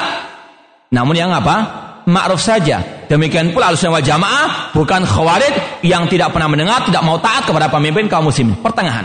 Kita mau taat dalam hal yang ma'ruf, dalam hal yang tidak bermaksiat kepada Allah Subhanahu wa taala. Karena Allah memerintahkan kita untuk demikian. Ya ayyuhalladzina amanu ati Allah wa ati Rasul wa ulil amri minkum. Kalau taat kepada Allah dan Rasul secara mutlak karena perintah Allah dan Rasulnya pasti baik. Adapun perintahnya pemimpin bisa jadi apa? Salah. Yang salah tidak wajib untuk kita apa? Taati. Yang benar, yang baik, yang tidak bermaksiat, yang mubah wajib untuk kita apa? Taati. Dan ini ditekankan dalam banyak hadis. Bahkan ada seorang ulama yang mengumpulkan hadis-hadis tentang wajibnya mendengar dan taat kepada pemimpin kaum muslimin ini lebih dari 100 hadis dan sahih. Kenapa? Ini masalah besar. Islam memberikan porsi yang besar juga. Karena ini masalah sekali lagi masalah yang besar yang wajib untuk apa? Selalu diangkat di tengah-tengah kaum muslimin agar mereka sadar tidak bisa diremehkan pembahasan seperti ini. Ikhwani fillah wa akhwati rahimani wa rahimakumullah. Kalau antum mau pembahasan ini lebih jelas lagi, silakan lihat kitab Sahih Bukhari. Ya, kitab Al-Ahkam. Itu ada banyak hadis-hadis tentang masalah bagaimana bermuamalah terhadap pemimpin kaum muslimin. Kalau bisa lihat juga sarahnya Al-Imam Ibn Hajar Asqalani dalam Fathul Bari. Itu juga jelaskan bagaimana sikap yang bijak terhadap pemimpin kaum muslimin. Kemudian juga lihat Sahih Muslim dalam Sahih Muslim ada Kitabul Imarah. Juga banyak disebutkan hadis-hadis tentang pembahasan kita ini. Di antaranya sabda Rasul SAW dari seorang sahabat Rasul yang bernama Abdullah bin Umar radhiyallahu anhuma beliau mengatakan alal mar'il muslimi asam wa ta'ah fima ahabba wa kariha illa an yu'mara bimaksiatin fa in umira bimaksiatin fala sam'a ta'ah Kata Rasul SAW, wajib bagi setiap muslim dan juga muslimah untuk mendengar dan taat kepada pemimpin kaum muslimin dalam hal yang dia cintai atau dalam hal yang dia tidak cintai, yang dia yang dia benci. Kenapa? Ini bukan masa cinta dan benci menurut apa? Perasaan kita. Kita wajib tundukkan perasaan kita terhadap apa? Ad-dalil kepada Al-Quran dan Sunnah Rasul SAW. Rasul mengatakan meskipun kita benci kepada kebijakan pemerintah karena dia sesuai dengan keinginan kita, wajib kita mendengar dan taat selama dalam hal yang apa? Ma'ruf. Eh kalau perintah pemimpin harus mengikuti rakyatnya, nggak jadi-jadi pemerintahan. Karena apa? Setiap orang punya apa? Keinginan masing-masing. Ya. Kewajiban kita apa? Untuk mendengar dan taat kepada pemimpin kaum muslimin selama dalam hal yang tidak bermaksud kepada Allah Subhanahu wa taala.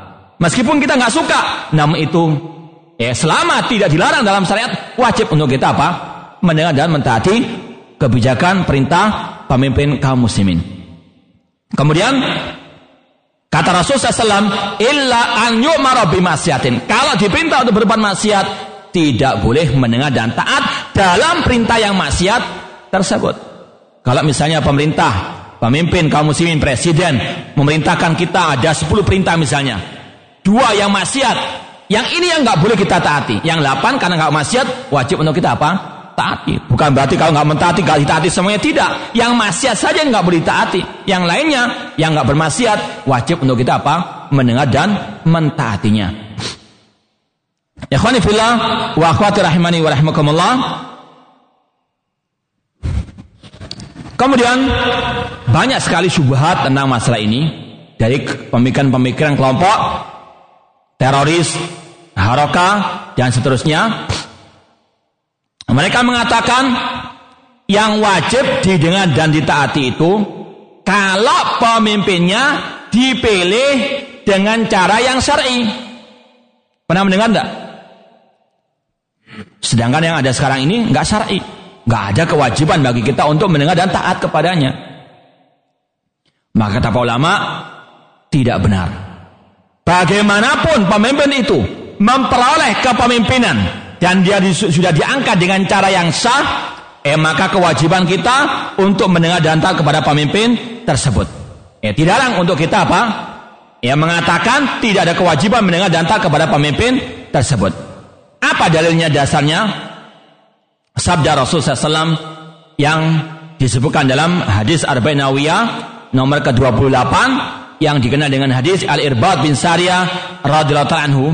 Rasul SAW mengatakan usikum bitaqwallahi azza wa jalla wa sam'i wa ta'ah wa in ta'ammara alaikum abdun habasyun aku wasiatkan kalian untuk bertakwa kepada Allah dan untuk mendengar dan taat kepada pemimpin kaum muslimin meskipun mereka dari budak Ethiopia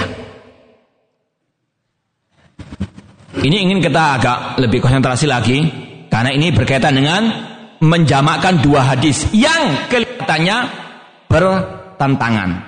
Apakah mungkin dua hadis yang sahih saling bertentangan?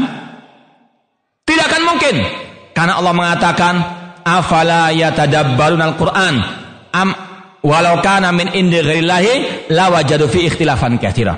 Tidakkah mereka mentadaburi Al-Qur'an Seandainya Al-Quran bukan dari sisi Allah, mereka akan mendapati pertentangan yang yang banyak. Kalau ada orang mengatakan itu kan Al-Quran, hadis kan beda. Betul nggak ucapan ini? Hah? Kenapa kok nggak beda? Hah? Karena al-hadis juga dari Allah. Wa ma yantiqu hawa in huwa illa wahyu. Maka Al-Qur'an tidak akan ada pertentangan, demikian pula dengan hadis yang sahih tidak akan mungkin ada pertentangan. Nah, sekarang ada hadis yang berbunyi al-a'immatu fi Quraisy. Pemimpin khalifah harus dari bangsa Quraisy. Enggak boleh dari Sumatera atau dari Jawa. Kalau apa? Khalifah. Nah, sekarang Rasul mengatakan Wajib mendengar dan taat kepada pemimpin meskipun dari budak apa? Hebo itu ya seolah apa? Oh bertentangan. Ini Rasul mengatakan dari Quraisy, kok ini membolehkan dari apa? Habasya. Bagaimana mengkompromikan dua di sini?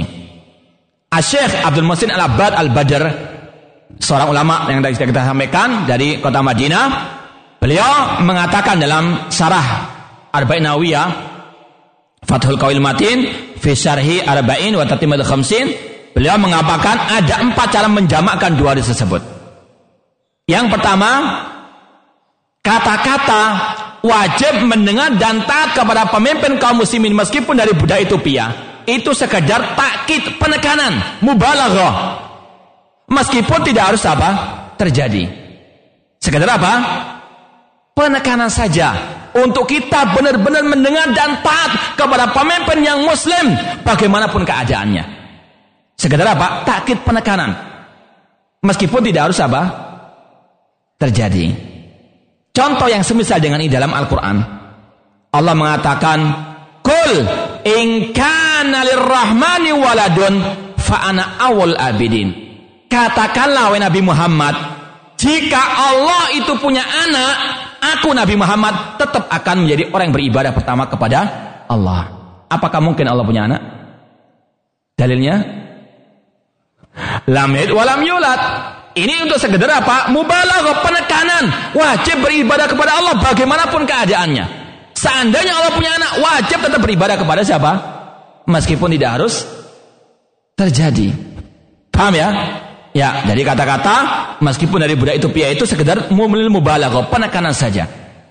Yang kedua, kata Syekh Abdul Musin Abad Al-Badar, cara menjamakkan kedua hadis tersebut bahwasanya yang dimaksud dengan pemimpin dari budak Ethiopia itu yang di bawah level kekhalifahan.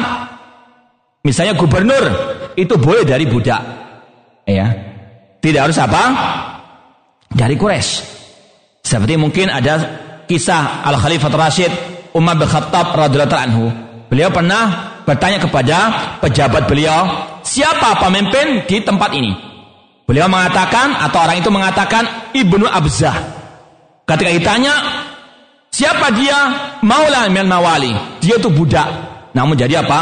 Ya mungkin bupati atau lurah atau wali kota. Umar bin Khattab heran, kenapa engkau mengangkat sang budak menjadi apa? Eh, pemimpin di desa atau di kabupaten itu atau di wilayah itu. Kemudian sang pejabat mengatakan li ana hafidun kitabillah karena dia hafal Al-Qur'anul Karim. Ini dulu itu prioritasnya jadi gubernur harus apa? Nah, iya. Sekarang mungkin perlu begitu kan ya ada pilkada mungkin. ya. Kemudian Umar bin mengatakan Innallaha yarfa'u bihal kitabi aqwaman wa yadhabi akharin. Allah mengangkat derajat manusia dengan Al-Qur'an dan Allah merendahkan sebagian orang dikarenakan mereka meninggalkan Al-Qur'anul Karim. Intinya kata-kata meskipun dari budak Ethiopia itu pemimpin yang di bawah level apa? Al-Khalifah. Namun kalau khalifah wajib syaratnya harus dari bangsa bangsa Quraisy. Kemudian yang ketiga, cara menjamakkan memkompromikan dari tersebut bahwasanya meskipun dari budak Ethiopia itu dalam artian dulu dia itu pernah jadi budak. Namun asalnya dia dari bangsa Quraisy. Kan mungkin dia bayi bangsa Quraisy. Kemudian ada perang, ditawan, jadi apa? Budak dibawa ke Ethiopia jadi budak Ethiopia padahal asal muasalnya dari mana? Eh seperti sebagian antum, nenek moyangnya dari mana? Dari Jawa tinggal di sini, punya KTP Sumatera. Pada asalnya orang mana? Betul nggak? Nah, ya, namun intinya tidak boleh ada fanatik golongan. Ini sekedar apa? Contoh bahwasanya budak dari utopia tersebut asal muasalnya dari bangsa Quraisy, maka sah-sah saja ketika dia apa? Jadi khalifah. Ya, meskipun pernah mengalami jadi jadi budak Ethiopia. Kemudian yang keempat kata Syekh ini yang inti pembahasan kita. Bahwasannya seandainya seorang budak Ethiopia dia berhasil mengkudeta, memberontak, yang mana pemberontakan itu haram, tidak syar'i. Ya, namun kalau sudah menjadi khalifah, pemimpin kaum muslimin, maka wajib untuk apa? Didengar dan ditaati. Prosesnya kita ingkari. Namun kalau sudah jadi, wajib untuk apa? Didengar dan ditaati. Ya. Maka ini yang harus apa betul-betul kita ecamkan dalam diri kita, bedakan. Masalah prosesnya itu haram, kita ingkari. Pemilihannya tidak syar'i, betul kita akui. Namun kalau sudah jadi, kata Rasul, wa in ta'amur alaikum abdun habasi wajib untuk kita dengar dan kita apa? dan taati. Dan ini yang juga dikatakan oleh para ulama al jamaah. Eh seperti yang diucapkan oleh Imam Ahmad rahimahullah dalam kitab beliau Usul Sunnah, ya. Dalam kitab usul sunnah, bila mengatakan yang maknanya, jika pemimpin itu telah dibaiat oleh rakyat, dan mereka ridho terhadap kepemimpinannya. Meskipun dia caranya lewat kudeta, pertumpahan darah, lewat pedang. Maka kalau sudah jadi pemimpin, wajib untuk didengar dan dan ditaati. Jelas ya? Nah. Kemudian ada subhat lagi. Yang mengatakan yang wajib untuk kita dengar dan taati itu kalau pemimpinnya berhukum dengan hukum Islam. Kalau pemimpinnya itu apa? Berhukum dengan hukum Allah. Sedangkan negeri kita tidak. Maka tidak ada apa? Kata mereka mendengar dan ketaatan kepada pemimpin kaum muslimin. Pernah, pernah dengar seperti ini tidak? Hah? Pernah, barusan Ustaz. ya, ini yang kalau kita lihat banyak subah-subah seperti ini. Maka jawabannya adalah sabda Rasulullah Alaihi Wasallam. Eh, sekali lagi kita dalam beragama ini bukan dengan akal pikiran kita. Adin laisa birra'i. Agama bukan dengan akal-akalan. Agama bukan dengan perasaan. Agama bukan dengan hawa nafsu. Namun agama maqala Allah wa qala Rasul wa qala sahabah. Agama Islam adalah firman Allah, sabda Rasulnya dan manhaj pemahaman para sahabat Rasulullah Alaihi Wasallam. Dalam menjawab syubhat tersebut, sabda Rasul SAW yang berbunyi dalam hadis riwayat Muslim Rasul mengatakan saya kunu ba'di umara yastannuna bighairi sunnati wa yahduna bighairi hadi akan muncul setelahku nanti pemimpin-pemimpin yang tidak mengikuti sunnahku yang tidak mau mengambil petunjukku hukum Islam dari hukum mana? Hah? Hukumnya Islam itu bersumber dari mana? Hukumnya bersumber dari hukum Allah dan Rasulnya. Hukumnya Rasul dari mana? Hah? Dari sunnahnya Rasul Sallallahu Alaihi Wasallam. Ini gambaran Rasul. Bahwasanya nanti akan ada pemimpin-pemimpin yang tidak berhukum dengan hukum Allah dan Rasulnya. Kemudian Rasul tidak cukup hanya itu saja. Memberikan gambaran yang ya bisa kita bayangkan wa sayakumu fihim rijalun kulubum kulubus syayatin fi jusmanil ins dan akan muncul di tengah-tengah mereka pemimpin-pemimpin yang berhati setan dalam jasad manusia. Pemimpin yang kejam, pemimpin yang dolim. Ya. Kemudian Hudzaifah bin Yaman, seorang sahabat Rasulullah SAW. Ini bagaimana sikap sahabat? Tidak apa langsung berkomentar, tidak langsung apa? Ya, langsung ingin menyerbu, ingin untuk yang berontak, menumpahkan darah tidak. Namun apa? Fas'alu ala dzikri in kuntum la ta'lamun. Hudzaifah pun berkata kepada Rasul, bertanya kepada Rasul, "Fa asna'u in adraktu dzalika ya Rasulullah?" Ya Rasulullah, apa sikapku kalau aku mendapati pemimpin yang seperti itu, yang tidak berhukum dengan hukum Islam, yang tidak berhukum dengan hukum Allah dan Rasulnya, yang kejam, yang dolim, ya, yang korupsi mungkin, apa kata Rasul? Apakah disuruh memberontak, mendemonstrasi, mengkudeta, mereformasi? Lah, tidak sama sekali.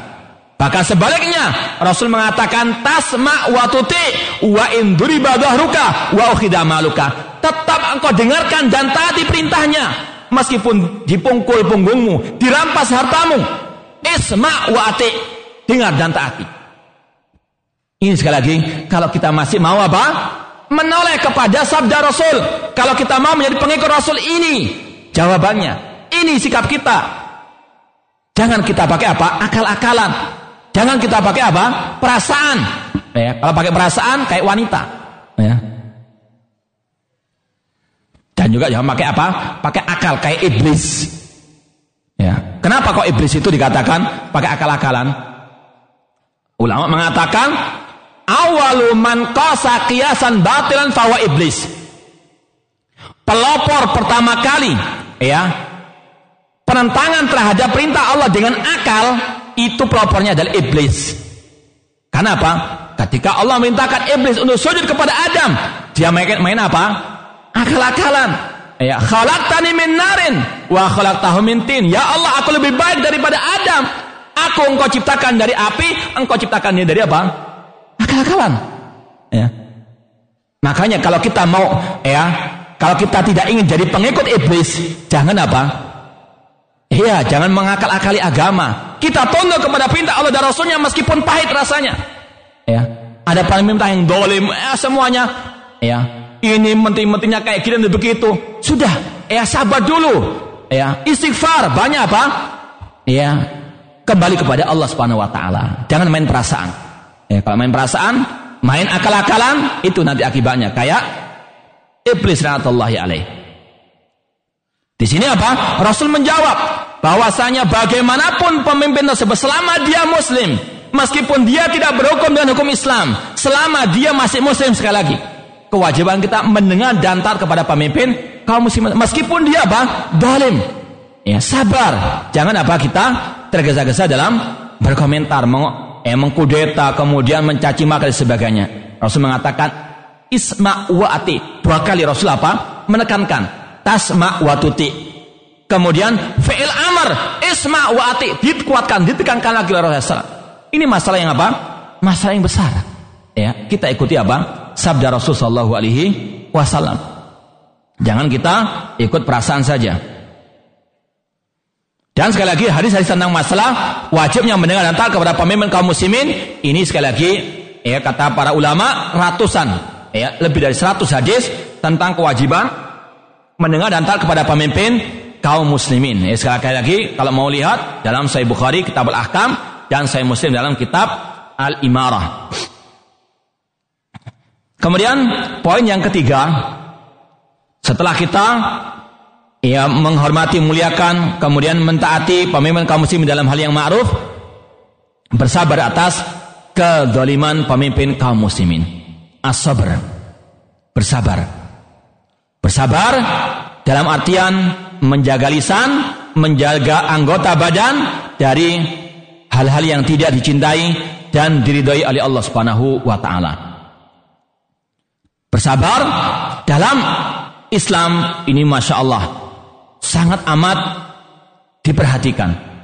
Bahkan kata ulama, kalau tidak salah Imam Ahmad mengatakan lebih dari 90 ayat tentang masalah sabar dalam Al-Quranul Karim. Eh, lebih dari berapa? Kalau nggak salah Imam Ahmad mengatakan lebih dari 90 ayat Allah sebutkan tentang masalah as-sabar. Wa basyir sabirin alladzina idza asabatu musibah qalu inna lillahi wa inna ilaihi rajiun. Ulaika alaihim salawatu min rabbihim wa rahmah wa ulaika humul muhtadun. Yang bersabar akan mendapatkan rahmat Allah, mendapatkan keselamatan dan mendapatkan petunjuk dari Allah Subhanahu wa taala. Wasta'inu bis sabri wa wassalah. Wa ja'alna minhum a'immatan yahduna bi amrina lama sabaru wa kanu bi ayatina yuqinun. Allah mengatakan dalam surat As-Sajdah dan kami jadikan di antara mereka pemimpin-pemimpin dalam agama ketika mereka bersabar dan mereka yakin terhadap ayat-ayat kami. As-sabr.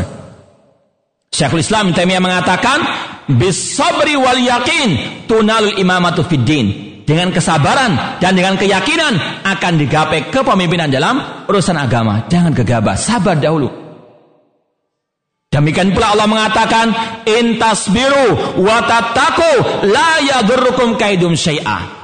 Jika kalian bersabar, bertakwa kepada Allah, makar-makar orang kafir tidak akan mungkin mengenai kalian. Yakin tidak dengan janji Allah ini? Hah? Yakin tidak? Ya, namun terkadang kaum muslimin mengatakan iya yakin, namun perbuatannya tidak yakin. Ya, buktinya apa?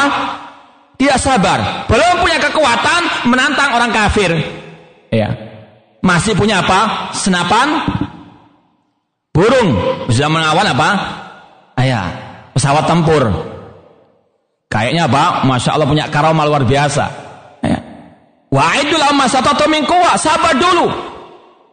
Rasul dengan para sahabat lebih berani dari kalian. Mereka lebih jagoan daripada kalian. Nah mereka bersabar ketika di kota Mekah. Eh mereka apa?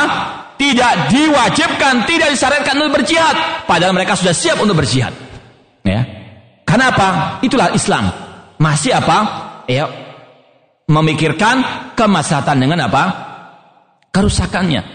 Dalam Islam, akal, pikiran tidak ditinggalkan 100%. Dan juga tidak apa? Dituhankan melebihi nas Al-Quran. Namun apa? Ditempatkan pada tempatnya. Nggak punya kekuatan kok menantang. Nah ya, orang-orang kufar yang mereka apa? Sudah punya kekuatan yang luar biasa. Sabar dahulu. Para sahabat dibantai di kota Mekah. Sabar Rasulullah SAW. Bukan berarti apa? Meridhoi. Bukan berarti rela kaum muslimin dibantai. Namun pertimbangan maslahat. Ya. Bahkan sampai-sampai apa? Khabbab bin Arad radhiyallahu anhu mengatakan, "Ya Rasulullah, ala tantas ala tastansirun Allah?" Ya Rasulullah, tidakkah engkau minta tolong kepada Allah? Tidakkah engkau apa? Meminta tolong kepada Allah untuk apa? Menghancurkan orang kafir. Ya. Kata Rasulullah, dulu orang-orang sebelum kalian itu apa? Ada yang digergaji, ya, menjadi dua. Ada yang disisir dengan sisir besi, namun mereka tidak menyimpang dari agama Allah Subhanahu wa. Bersabar. Ya, bukan sekali lagi bukan berarti kita cuek, tidak. Butuh apa? Kesabaran, butuh persiapan yang matang. Untuk apa kita meraih kejayaan umat. Tidak apa? Tidak gegabah. Makanya apa? Pada waktu di kota Mekah tidak ada jihad dengan dengan pedang. Meskipun bukan berarti diam. Bukan berarti apa? Eh kalau orang jawab pasrah bongkoan, eh tidak mau berusaha tidak. Ada jihad yang lain. Apa itu? Allah mengatakan wajahidhum bihi jihadan kabira. Berjihadlah ya Rasulullah dengan melawan mereka bil Quran dengan Al-Quran. Itu termasuk apa? Jihad dakwah, termasuk jihad. Eh, kalau kita masih belum bisa jihad dengan pedang, jihad dengan apa? Eh, dengan dakwah. Dengan kita apa? Menyampaikan agama Allah, menyampaikan tauhid Allah, memberantas kesyirikan, memberantas kebid'ahan. Ini termasuk jihad di jalan Allah Subhanahu wa taala. Ilmi, belajar ilmu agama, termasuk apa? Jihad. Ya, jangan hanya jihad diremehkan, disempitkan hanya pada apa? Jihad dengan pedang. Seorang sahabat Rasul yang bernama Abu Darda radhiyallahu anhu mengatakan man ra'a annal ghudwa ilal ilmi laysa bi jihadin faqad naqasa fi akli waraihi. Barang siapa menganggap menuntut ilmu agama bukan jihad, maka telah kurang akal dan kecerdasannya. Ya, antum harus yakini antum sekarang itu lagi apa? Konsentrasi, jangan ngantuk. Namanya orang jihad di medan pertempuran, kalau ngantuk ada peluru nanti nyasar ke telinga antum hilang satu. Bahaya. Ini adalah jihad. Maka salah kalau hanya menyempitkan jihad hanya pada apa? Pada petang saja. Kita sedang berjihad. Ya. Kalau kita memang sudah mampu, kita sudah siap, sikonya tepat, maka apa? Harus kita yakinkan dalam diri kita, kita ingin mati syahid di jalan Allah Subhanahu wa taala. Rasul mengatakan, Man mata walam yaghzu walam yuhadis nafsa bil ghazwi mata la syubati minan nifaq. Barang siapa mati dia tidak pernah berjihad, berperang, eh menghadapi orang kafir dan dia tidak pernah mencita-citakan mati di jalan Allah, maka dia mati dalam keadaan cabang kemunafikan. Naudzubillah min dalik. Ya, kita ingin untuk berjuang, kita ingin untuk apa? Berjihad sebagaimana para sahabat. Namun semuanya itu butuh ilmu, butuh apa? Persiapan yang yang matang. Kalau mungkin itu kalau itu tidak memungkinkan, masih ada jihad yang lainnya, jihad bil ilmi, jihadun nafsi. Al Imam Ibnu mengatakan jihad ada empat, jihadun nafsi, eh jihad melawan diri sendiri dengan belajar ilmu agama, mengamalkan ilmu agama, mendakwakan ilmu agama, bersabar. Itu jihadun nafsi. Kemudian kata Ibnu Qayyim rahimahullah, jihad yang kedua jihadus syaitan. Dengan kita apa? Bersabar menahan syahwat dan eh, dan syubhat dan kita lawan dengan al ilmu was sabar, jihadus syaitan, jihad melawan syaitan.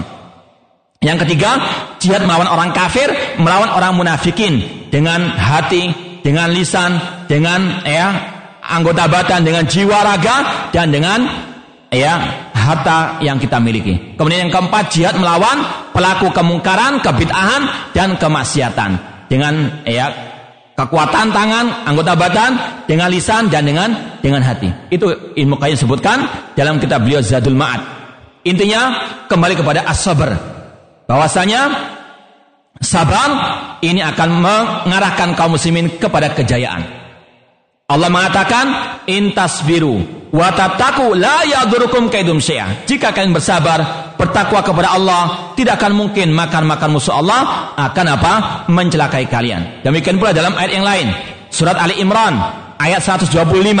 Allah mengatakan intasbiru wa tattaqu wa ya'tukum min fawrihim hadza yumditkum rabbukum bi khamsati alafin minal malaikati musawimin. Jika kalian bersabar bertakwa kepada Allah, ketika itu musuh mengepung kalian, maka Allah akan menurunkan bala bantuan berupa 5000 malaikat yang diberi tanda oleh Allah Subhanahu wa taala. Itu akan Allah penuhi janjinya kalau kita apa? Intasbiru, bertabar, bertakwa kepada Allah Subhanahu wa taala. Di antaranya apa? Menyikapi pemimpin yang dolim atau pemimpin yang tidak kita sukai kebijakan-kebijakannya. Ya. Wajib untuk kita apa? Bersabar. Itu semuanya dalam rangka mendekatkan diri kepada Allah. Ya, itu dalam rangka mentaati Allah dan Rasulnya. Bukan kita bersabar, ya, karena keterpaksaan tidak. Kita sabar itu kita ingatkan diri kita, kita bersabar karena taat kepada Allah dan Rasulnya. Maka kita akan mendapatkan pahala. Ini di antara ibadah kepada Allah. Jadi ibadah kepada Allah jangan disempitkan pada apa? Ritual ibadah-ibadah itu. Di antaranya apa? Ketika kita bersabar, mendapati pemimpin yang dolim, kita tidak banyak komentar, kita jaga mulut, lisan kita, kita jaga anggota badan kita. Itu termasuk apa? Bentuk ibadah kepada Allah. Sebagaimana kata Syekhul Islam Ibn Taimiyah rahimahullah, al ibadatu ismun jami'un likulli ma yuhibbullah wa yadha minal aqwali wal af'al ad wal batinah. Ibadah itu suatu nama yang mencakup semua ucapan, semua perbuatan yang dohir maupun yang batin yang dicintai dan diridhai oleh Allah Subhanahu wa taala.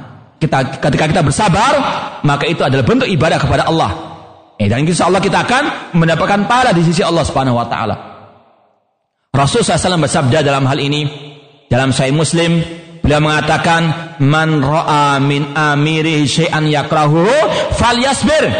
Barang siapa yang melihat dari pemimpinnya yang tidak dia sukai, falyasbir, maka bersabarlah. Ya. Memang sekali lagi pahit, namun inilah yang harus kita jalankan, bersabar. Rasul mengatakan, ajaban li amil mu'min, inna amra kullahu khair, wa laysa li ahadin illa li mu'minin. Istimewa ya urusan keadaan orang mukmin. Dan itu tidak didapati kecuali bagi orang mukmin saja, dalam diri orang mukmin saja. In asabatu sarra syakara fakana khallahu. Jika ditimpa, ya diberikan kenikmatan, dia bersyukur itu baik baginya. Wa in asabal dharra sabara fakana khallahu. Jika ditimpa musibah, bersabar dan itu baik baginya. Rawah Muslim. Rasul mengatakan, apabila seseorang di antara kalian melihat yang tidak dia sukai dari pemimpinnya, fal yasbir, bersabarlah. Fa innahu man faraqal jama'ata shibran, famata famitatan jahiliyah. Karena barang siapa yang memisahkan diri dari barisan kaum muslimin, kemudian dia mati, maka dia mati dalam keadaan jahiliyah. Naudzubillah min dalik. Maka sekali lagi bersabar. Ada kebijakan pemerintah ya yang tidak tidak sukai sabar ya kemudian para ulama mengatakan pemimpin yang dolim itu merupakan musibah dan kita telah tahu bersama namanya musibah sebabnya dari mana dosa-dosa manusia itu sendiri ma asabakum min musibatin fabima kasabat aidikum wa ya'fu an katsir dalam musibah itu menimpa diri kalian kecuali karena sebab dosa-dosa kalian. Dhaharal fasadu fil barri wal bahri bima kasabat aydin nas liyudhiqahum ba'dalladhi amilu la'allahum yarji'un. Telah nampak kerusakan di daratan maupun di lautan. Itu sebabnya kata Allah bima kasabat aydin nas karena sebab tangan-tangan manusia itu sendiri. Untuk Allah menimpakan sebagian dari dosa yang mereka lakukan hikmahnya la'allahum yarji'un. Agar mereka mau kembali kepada jalan Allah kembali kepada tauhid Allah untuk beribadahnya kepada Allah semata. Nah, di sini ingin kita bacakan ucapan emas seorang ulama tabi'in yang bernama Imam Al Hasan Al Basri rahimahullah taala beliau mengatakan wallahi lau anna nasa ubtulu min kibari sultanihim fasabaru. Ma labisu an yarfa'allahu dzalika anhum.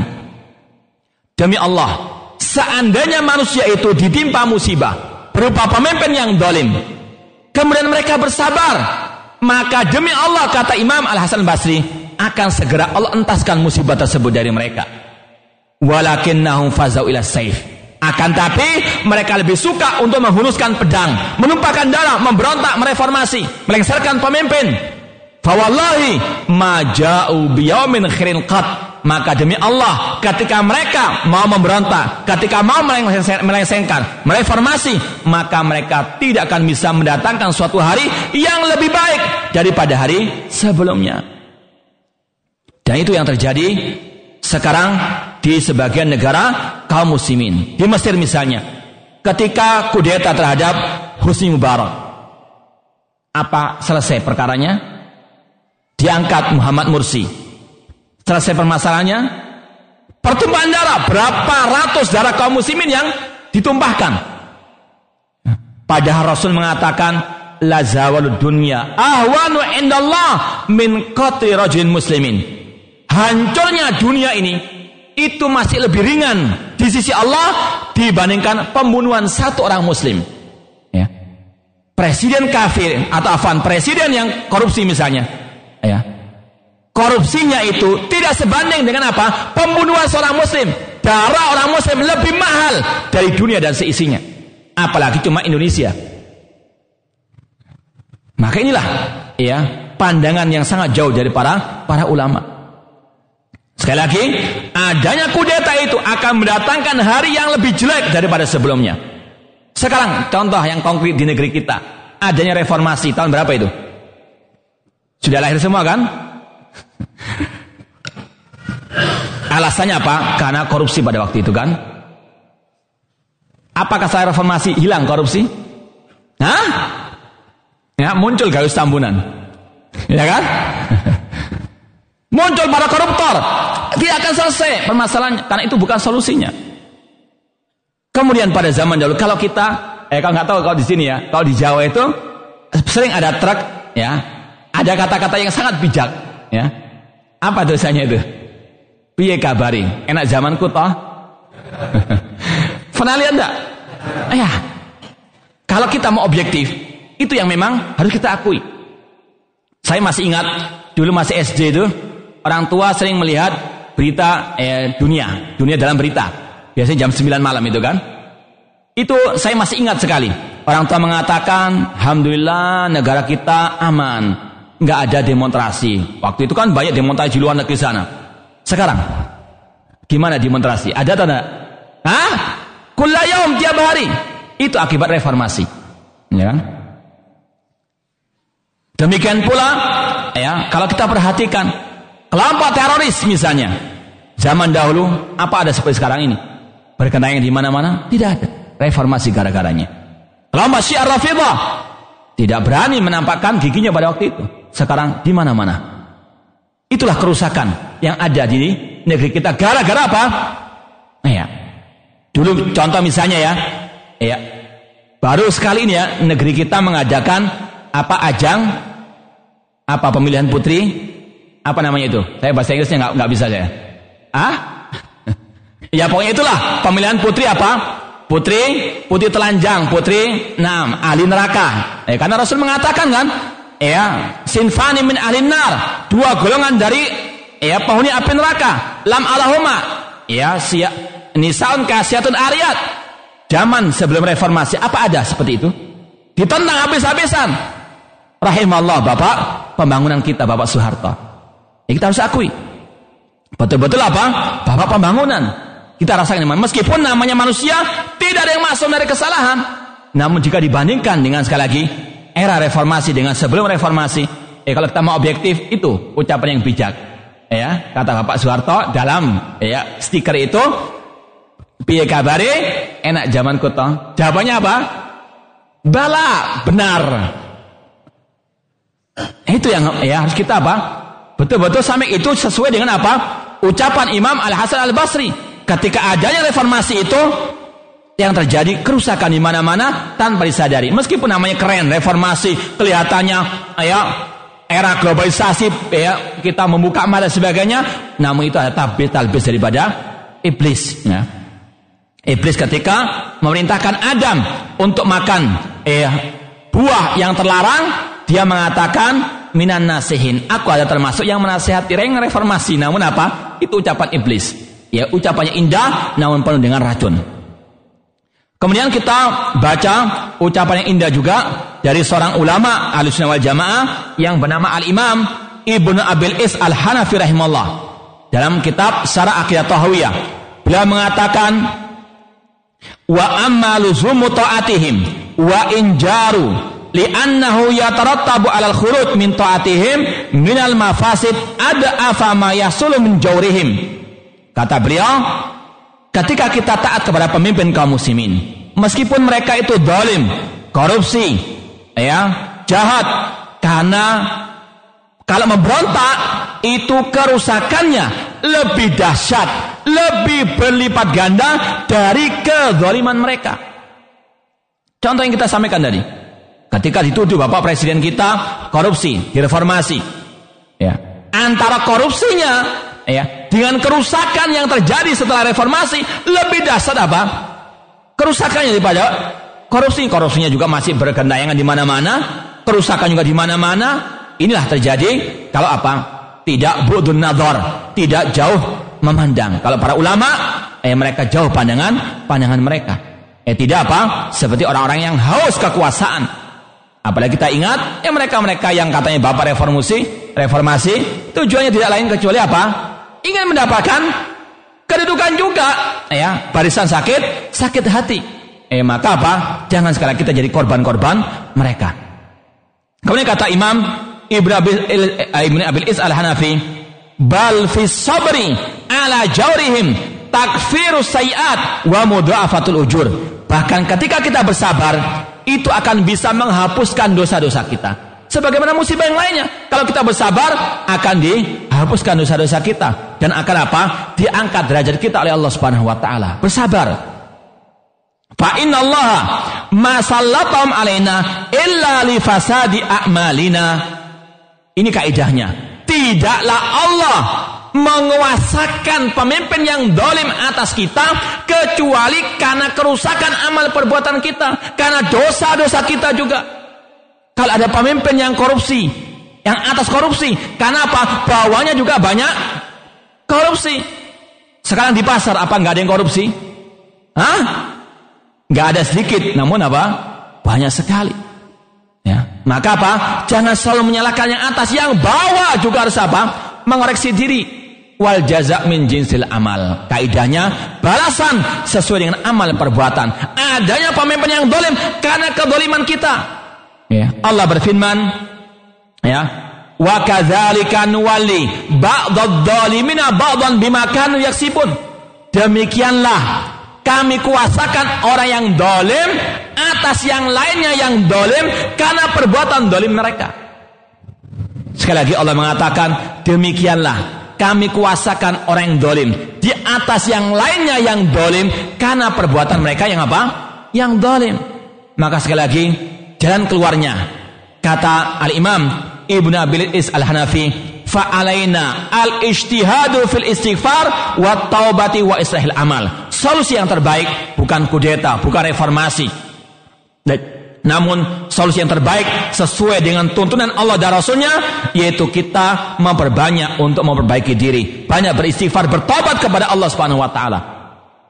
Kemudian beliau akhiri ya ucapan ini dengan ucapan yang sangat indah yang harus kita pacamkan dalam benak kita, yang harus dipahami oleh kaum muslimin terutama di negeri kita ini. Beliau mengatakan faida aradar ra'iyatu an yatakhallasu min dulmil amir dhalim falyatruku dhulma maka apabila rakyat ingin terbebas dari pemimpin yang dolim, maka kewajiban mereka meninggalkan kedoliman mereka dulu.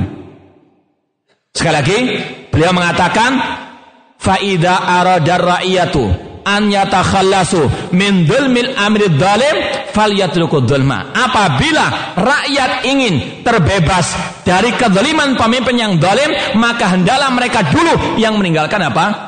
Kezaliman. Karena Allah berfirman innallaha la yughayyiru ma biqaumin hatta yughayyiru ma bi anfusihim Allah tidak akan merubah nasib suatu kaum sampai kaum itu merubah diri mereka sendiri. Itu yang apa? Harus dijalankan. Jangan terus menyalahkan yang di atas yang bawah. Ini yang harus apa? Dibenahi. Sebagaimana Rasul dahulu. Eh Rasul dahulu ketika beliau ditawari kepemimpinan oleh bangsa Quraisy Ya, ketika beliau berdakwah, ditawari kepemimpinan untuk meninggalkan dakwah ini. Beliau tidak mau. Beliau tetap berdakwah dari mana? Dari bawah, bukan dari atas. Maka tidak akan mungkin sukses mereka-mereka yang berdakwah ke ya, di atas sana. Tidak akan mungkin. Bahkan apa sebaliknya? Yuriduna an yughayyiru walakinnahum taghayyaru. Mereka ingin merubah, namun justru mereka yang apa? Yang dirubah. Mereka ingin mewarnai, justru mereka yang apa? Diwarnai. Berapa banyak yang sudah apa? Jatuh berguguran dikarenakan eh kotoran-kotoran sapi. Betul enggak? Eh. Bahan apa? Sunatullah. Namanya membangun itu harus dari mana? Apa ada orang bangun rumah dari atapnya dulu? Ya orang ya, orang nggak waras, orang nggak nggak sehat akalnya. Maka sungguh benar ucapan Al-Imam Ibnu Qayyim rahimahullah, "Man bana baitan min sakfihi saqata sakfu ara Barang siapa membangun rumah dari atasnya, dari atapnya, pasti atap itu akan jatuh di atas apa? Kepalanya sudah jatuh ketimpa sapi lagi. Ya. Berat, berat. Ya. Makanya apa? Ya, jalan satu-satunya solusi terbaik untuk ya, memuliakan umat Islam, mengembalikan kejayaan umat Islam dari bawah. Akidah dahulu. Ya. Untuk kaum muslimin jauh dari kedoliman pemimpin, fal yatruku dzulma, tinggalkan kedoliman dan kedoliman yang paling dolim apa? Asyirku billah. Inna syirka ladulmun azim. Itu yang harus berusaha betul-betul apa? Dikikis, diberantas. Agar kaum muslimin bisa kembali ke dalam kejayaannya. Sebagaimana pada zaman para as-salafus saleh. Imam Malik mengatakan, Lan yusliha akhir hadil ummah illa ma'aslaha awalaha. Tidak akan mungkin memperbaiki akhir generasi umat ini sampai apa? Mereka kembali kepada ya umat yang pertama yaitu para sahabat Ar-Rasul SAW. Mereka jaya karena Rasul memondasi mereka terlebih dahulu. Diajarkan tauhid, dikokohkan tauhid mereka, akidah mereka. Eh bukan diajari demonstrasi, bukan diajari kudeta, tidak. Diajari apa? Al-aqidah as-sahihah, at-tauhid. Ya. 13 tahun Rasul dakwanya qulu la ilaha illallah tuflihu. Pada mereka dari bangsa Arab namun tetap diajarkan kalimat tauhid la ilaha illallah. Sehingga ter, ketika tertancap ya akidah yang sahih tersebut maka langsung berdiri otomatis. Daulah Islamnya. Kalau masyarakatnya sudah siap. Ya. Namun yang terjadi misalnya di Mesir sana ketika ya kelompok yang mereka ingin berdakwah dari atas Allah berikan kesempatan ya untuk apa menang dalam pemilu ya kelompok ikhwan muslimin dakwanya lewat parlemen berhasil sudah menjadi apa presiden. Apa yang terjadi? Daulah Islamnya berdiri, malah apa? Mereka dikikis habis. Apa? Salah mereka sendiri. Berdakwah bukan dari apa? Dari bawah, dari kaidahnya, dari kaidahnya, dari akidahnya. Maka sebagaimana kata Imam Nukayyim, man bana baitan min sakfi, sakota sakfu min ala ra'sihi. Akan jatuh atap itu ke atas kepalanya. Karena apa? Tidak melakukan sunatul Allah dan sunnahnya Rasul SAW mau membangun umat, kejayaan umat, membangun ya daulah Islamiyah, ya harus apa lewat bawah. Dakwah yang hak, dakwah al-sunnah wal jamaah, dakwah al-aqidah as-sahihah. Ini sekali lagi kata al-Imam Ibnu Abil Is al-Hanafi, kalau rakyat mau terbebas dari kedoliman pemimpin yang dolim, kalau rakyat mau terbebas dari pemimpin yang tidak berhukum dengan hukum Allah, wajib bagi mereka untuk berhukum dengan hukum Allah terlebih dahulu. Eh kalau rakyat ingin agar pemimpinnya berhukum dengan hukum Allah, wajib mereka dulu yang apa? Berhukum dengan hukum Allah. Kalau yang di atas misalnya, yang di atas sudah siap berhukum dengan hukum Allah, yang bawah kalau nggak siap bagaimana? Pemberontakan juga. Maka yang bawah ini yang harus dibenahi dahulu. Dan itu adalah sunatullah. Kalau mereka mau pemimpin yang berhukum dengan hukum Allah, mereka dulu yang harus berhukum dengan hukum apa? Allah. Dalam masalah akidah, dalam masalah ibadah, muamalah, masalah jihad, masalah dakwah, berhukum dengan hukum Allah. Namun sangat disayangkan. Mereka-mereka yang ya, melakukan pergerakan ingin mendirikan dakwah Islamiyah berhukum dengan hukum Allah syariat Islam. Contoh misalnya, sebagian kelompok ya, mereka demonstrasi di jalan-jalan. Ya akhwat-akhwatnya masya Allah. Ya spanduk-spanduk. Apakah itu hukum Allah berdemonstrasi? Hah? nggak malu rasanya. Eh perempuan-perempuan apa? Naudzubillah min dalik. Ya dari perempuan jalanan di jalan-jalan seperti itu. Ya kan? Apa itu hukum Allah? Wa qanna fi buyutikunna. Perempuan di rumah bukan di jalan ya meneriakan hukum-hukum Allah namun mereka juga tidak berhukum dengan hukum Allah demonstrasi produknya siapa Abdullah bin Sabal Yahudi Eh, perangi Yahudi, mereka pakai caranya apa? Yahudi. Benci tapi apa? Abi rindu. Naudzubillah min dzalik. Itu adalah eh keadaan kaum muslimin. Maka kaum muslimin kalau menghendaki pemimpin itu berhukum dengan hukum Islam, mulai mereka berhukum dengan hukum Islam dalam diri mereka, dalam kelompok mereka, dalam akidah mereka. Ya. Kalau tidak, tidak akan muncul janji Allah intan surullaha yang surkum tolong ag dulu agama Allah dalam diri kalian. Sebagaimana kata seorang tokoh ini ada seorang tokoh haroka yang ucapannya indah namun nggak dipraktekkan oleh anak buah mereka. Akimid daulata fi kulubikum takum ala arjikum. Dirikanlah daulah Islam dalam hati kalian maka akan muncul di atas muka bumi ini yang itu ada ucapan yang hak meskipun yang mengatakan ya tidak mempraktekannya Ya, maka sekali lagi cara yang merubah yang benar ya sebagaimana Allah mengatakan innallaha la yughayyiru ma biqaumin hatta yughayyiru ma bi anfusihim. Kemudian poin yang keempat.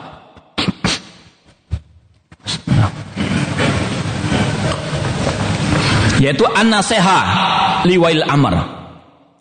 Ketika kita melihat pemimpin tersebut berbuat kesalahan, kekeliruan, Kewajiban kita menasihati pemimpin kaum muslimin tersebut. Kita katakan pemimpin bukan malaikat. Bisa salah, bisa keliru, bisa tergelincir. Apalagi mengurusi negara yang seluas ini. Kita saja mengurusi ketakmiran misalnya masih banyak apa? Kekeliruan-kekeliruan. Kita ngurus rumah tangga saja cuma mungkin tiga anak buah kita. Ya, isi satu, meskipun isinya empat misalnya, isinya eh, satu saja bang. Tidak bisa, apalagi ngurus negara yang seluas ini. Kalau ada kebijakan-kebijakan yang kita agak suka atau kekeliruan, ya wajar. Ya, kita saja ngurus yang sedikit saja, susah payah, apalagi sebanyak ini. Ya. Maka kata ulama di antaranya kita harus banyak mengambil udur dari pemimpin tersebut. Dan di antaranya apa? Kalau keliru, bukan berarti apa? Didiamkan. Ada apa?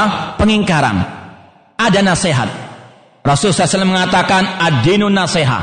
Agama adalah apa? Nasihat. Ketika ditanya, kuna liman ya Rasulullah. Untuk siapa nasihat itu ya Rasulullah? Rasul menjawab di antaranya, wali a'immatil muslimin. Untuk pemimpin kaum kaum muslimin. Harus ada apa? Watawasabil haq, watawasabil sabar dan nasihat adalah ibadah. Ibadah tidak akan diterima kecuali dengan apa? Ikhlas dan ittiba. Ikhlas karena Allah. Kita menasehati bukan karena ingin kedudukannya, bukan untuk menjilat, bukan untuk mendapatkan kedudukan. Ikhlas karena Allah Taala. Karena perintah Rasulnya adinu nasihat.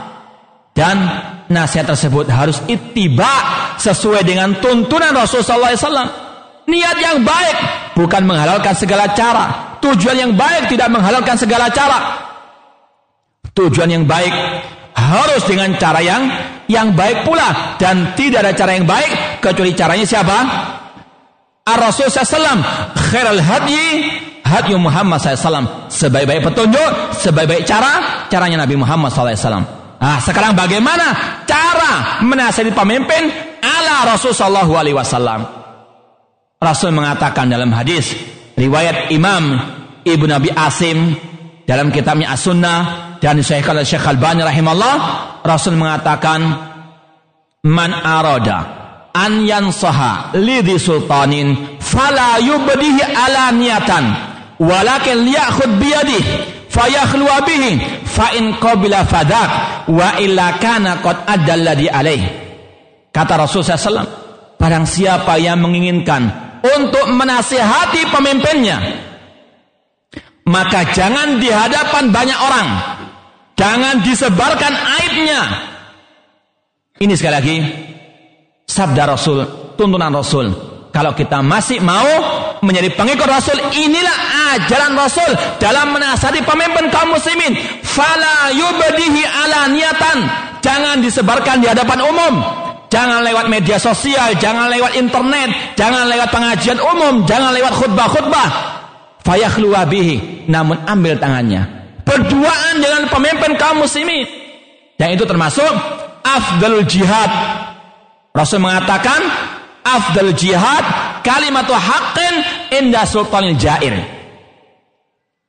Semulia-mulia jihad kata Rasul adalah mengucapkan ucapan yang hak menasehati pemimpin di hadapan pemimpin bukan di jalan-jalan. Ya. Nama apa? Indah sultanin jair. Menasehati pemimpin yang apa? Yang dolim. Itu adalah sikap yang yang bijak yang ditontonkan oleh Rasulullah SAW. Fala yubdi alaniatan jangan di hadapan umum. Ya, ini sebagai sekali lagi bagian correction bagi kita semuanya. Ya, apalagi yang bergelut di dalam dunia maya, ya, atau mungkin di dunia lain. Ya, aja untuk berhati-hati. Ya, jangan apa menyebarkan aib pemerintah di dunia lain ya. ya, Kemudian ikhwani fillah wa akhwati rahimani wa rahmakumullah. Ingin kita bacakan di sini ucapan seorang ulama al wal Jamaah yang bernama Syekh Abdul Aziz bin Bas rahimahullah taala. Beliau mengatakan laisa min manhajis salafi at-tashhir bi uyubil wulad wa dzikru dzalika 'alal manabir. Kata Syekh Abdul Aziz bin Bas rahimahullah taala bukan termasuk manhaj salaf menyebarkan aib pemerintah atau menyebutkannya di atas mimbar-mimbar. Sekali lagi, ini yang harus kita pahami, yang harus kita yakini. Tidak termasuk manhaj salaf menyebarkan aib pemimpin atau menyebutkannya di mimbar-mimbar bebas. Berarti kalau ada oknum dari yang mengaku mengikuti manhaj salaf, maka itu salah, itu batil, siapa pun orangnya. Meskipun bergelar dokter, profesor, ya. Kalau dia menyebarkan aib pemerintah, meskipun dia mengaku mengikut manhaj salaf, namun keyakinilah, ya, oknumnya tidak mesti benar. Yang benar manhajnya, manhaj salaf apa? Menye ya menasihati pemimpin di hadapan pemimpin, tidak di hadapan umum, berduaan secara rahasia. Sekali lagi kalau ada yang melakukan hal itu, menyebarkan aib pemimpin di internet dunia maya, ya meskipun dia mengaku sebagai pengikut dakwah salafiyah al jamaah, meskipun bergerak profesor, doktor, eh tidak bisa apa dibenarkan perbuatannya, harus diingkari. Karena itu kata Syekh Abdul Aziz bin Bas itu bukan manhaj salaf sama sekali. Lianna dzalika yufdi ilal inkilabat. Karena itu cepat atau lambat akan mengarah kepada kudeta, pemberontakan. Wa adami sami wa ta'afil ma'ruf dan akan menimbulkan apa? Ya, kecuekan terhadap perintah pemimpin kaum muslimin. Karena apa? Kalau sudah dibeberkan aibnya yang ada kebencian, tidak akan ada lagi penghormatan mendengar dan taat kepada perintah pemimpin kaum muslimin tersebut. Kemudian kata beliau, wa yufdi ilal khuruj al yadur wa dan akan mengarah kepada apa? Pemberontakan yang banyak bermadarat dan tidak bermanfaat. Dan Islam datang untuk menutup segala pintu kejelekan-kejelekan. Wala taqrabuz zina. Jangan apa? mendekati perzinahan. Dilarang. Stop. Ya. Jangan sampai masuk pintunya. Demikian pula di sini di antara pintu menuju kepada pemberontakan reformasi kalau manusia-manusia itu apa? Menyebarkan aib pemerintah di hadapan orang banyak. Jangan kita jadi korban media massa. Jangan kita jadi korban orang yang tamak dengan kekuasaan, orang-orang yang berada di barisan oposisi yang sakit hati. Kita jangan jadi korban. Kita ikuti sunnah Rasulullah alaihi wasallam. Kemudian kata beliau, kata Syekh Abdul Aziz bin Bas, walakin at-tariqatul muttaba'atu inda salaf an-nasihatu fima bainahum wa bainas sultan. Namun jalan yang terbaik dalam menasihati pemimpin menurut salafus soleh menasihati berduaan. Eh, empat mata dengan pemimpin tersebut. Dan itu yang dilakukan oleh para salafus soleh. Di antaranya Usama bin Zaid radhiyallahu anhu. Pernah suatu saat beliau didatangi oleh orang-orang yang mengatakan afala tukallimu Utsmana Tidakkah engkau wahai Usama menasihati Al Khalifah Utsman bin Affan radhiyallahu anhu? Apa kata beliau? Lakot kalam tuh fima baini wa bainahu. Aku telah menasihati dia antara diriku dengannya empat mata. Fala uridu an aftaha babasar. Aku tidak ingin untuk membuka pintu-pintu kejelekan. Ini adalah sikap ya seorang sahabat Rasulullah menasihati berduaan empat mata tidak di hadapan umum. Ya. Dan kata beliau, kalau aku menasihat di hadapan umum, aku akan membuka pintu apa? Pintu kejelekan. Naudzubillah min dalik. Ini sekali lagi sikap Ahlussunnah wal Jamaah dalam menasihati pemimpin kaum muslimin. Kemudian yang keempat, atau yang berapa? Kelima. Atau kata kita teruskan sedikit ucapan Syekh Abdul bin Bas, wal kitabatu ilaih. Kalau nggak bisa datang langsung kepada pemimpin lewat surat. Ya. Apalagi mungkin pada waktu zaman Bapak SBY ada apa? Bisa ngirim apa lewat? SMS bisa ya? Atau apa lagi? Ya sampaikan. Kalau nggak sampai, wa ma alaina illa albala la yukallifullahu nafsan illa illa usaha. Jangan cari jalan pintas. Ya, cari jalan yang syar'i. Meskipun nggak sampai, Anda tetap mendapatkan pahala. Ya, Anda sudah apa? Mengerahkan Kemampuan Anda la yukalliful nafsan illa illa wus'aha. Fattaqullaha mastata'tum. Kemudian kata beliau, awil ittisal bil ulama alladzina yatasuna bihi hatta yuajilal khair. Atau menghubungi ulama-ulama yang bisa menyampaikan nasihat kepada kepada mereka. Intinya tujuan yang baik harus dengan cara yang yang baik. Ikhlas tidak cukup, harus dengan apa? Ittiba kepada sunnah Rasul Shallallahu Alaihi Wasallam. Eh jangan mengatakan kalau kita nyampaikan nggak akan didengar. Ya sudah itu sampai kemampuan anda seperti itu. Jangan apa memaksa diri. Halakal mutanatiun celaka orang yang apa berlebih-lebihan. Yang melampaui batas kemampuannya. Yang kelima mendoakan pemimpin dengan kebaikan. Seperti yang kita katakan, mereka manusia biasa, bukan malaikat, mereka bisa salah, bisa keliru, maka tugas kita di antaranya kata para ulama mendoakan pemimpin kaum muslimin dengan kebaikan. Mudah-mudahan Allah merubah mereka. Mudah-mudahan Allah memberikan taufik untuk mereka bisa berhukum dengan hukum Allah Subhanahu wa taala. Allah ala kulli syai'in qadir. Allah Maha Kuasa atas segala sesuatu. Jangan kita apa namanya? meragukan kekuatan Allah, kemampuan Allah ataupun kekuasaan Allah Subhanahu wa taala. Sekarang kita lihat pemimpin seperti itu, tidak berhukum dengan hukum Allah. Siapa tahu Allah akan bisa merubahnya dengan doa kita, lewat doa kita. Atau paling tidak meminimalkan kedoliman mereka. Rasul mengatakan, khiyaru a'immatikum alladina tuhibbunahum wa yuhibbunakum. Wa tusalluna alaihim wa yusalluna alaikum. Pemimpin yang baik bagi kalian adalah yang kalian mencintai mereka dan mereka mencintai kalian. Dan kalian mendoakan mereka dengan kebaikan mereka pun mendoakan kalian. Dalam hadis ini ada isyarat. Untuk apa kita disyaratkan? Mendoakan pemimpin kita dengan dengan kebaikan.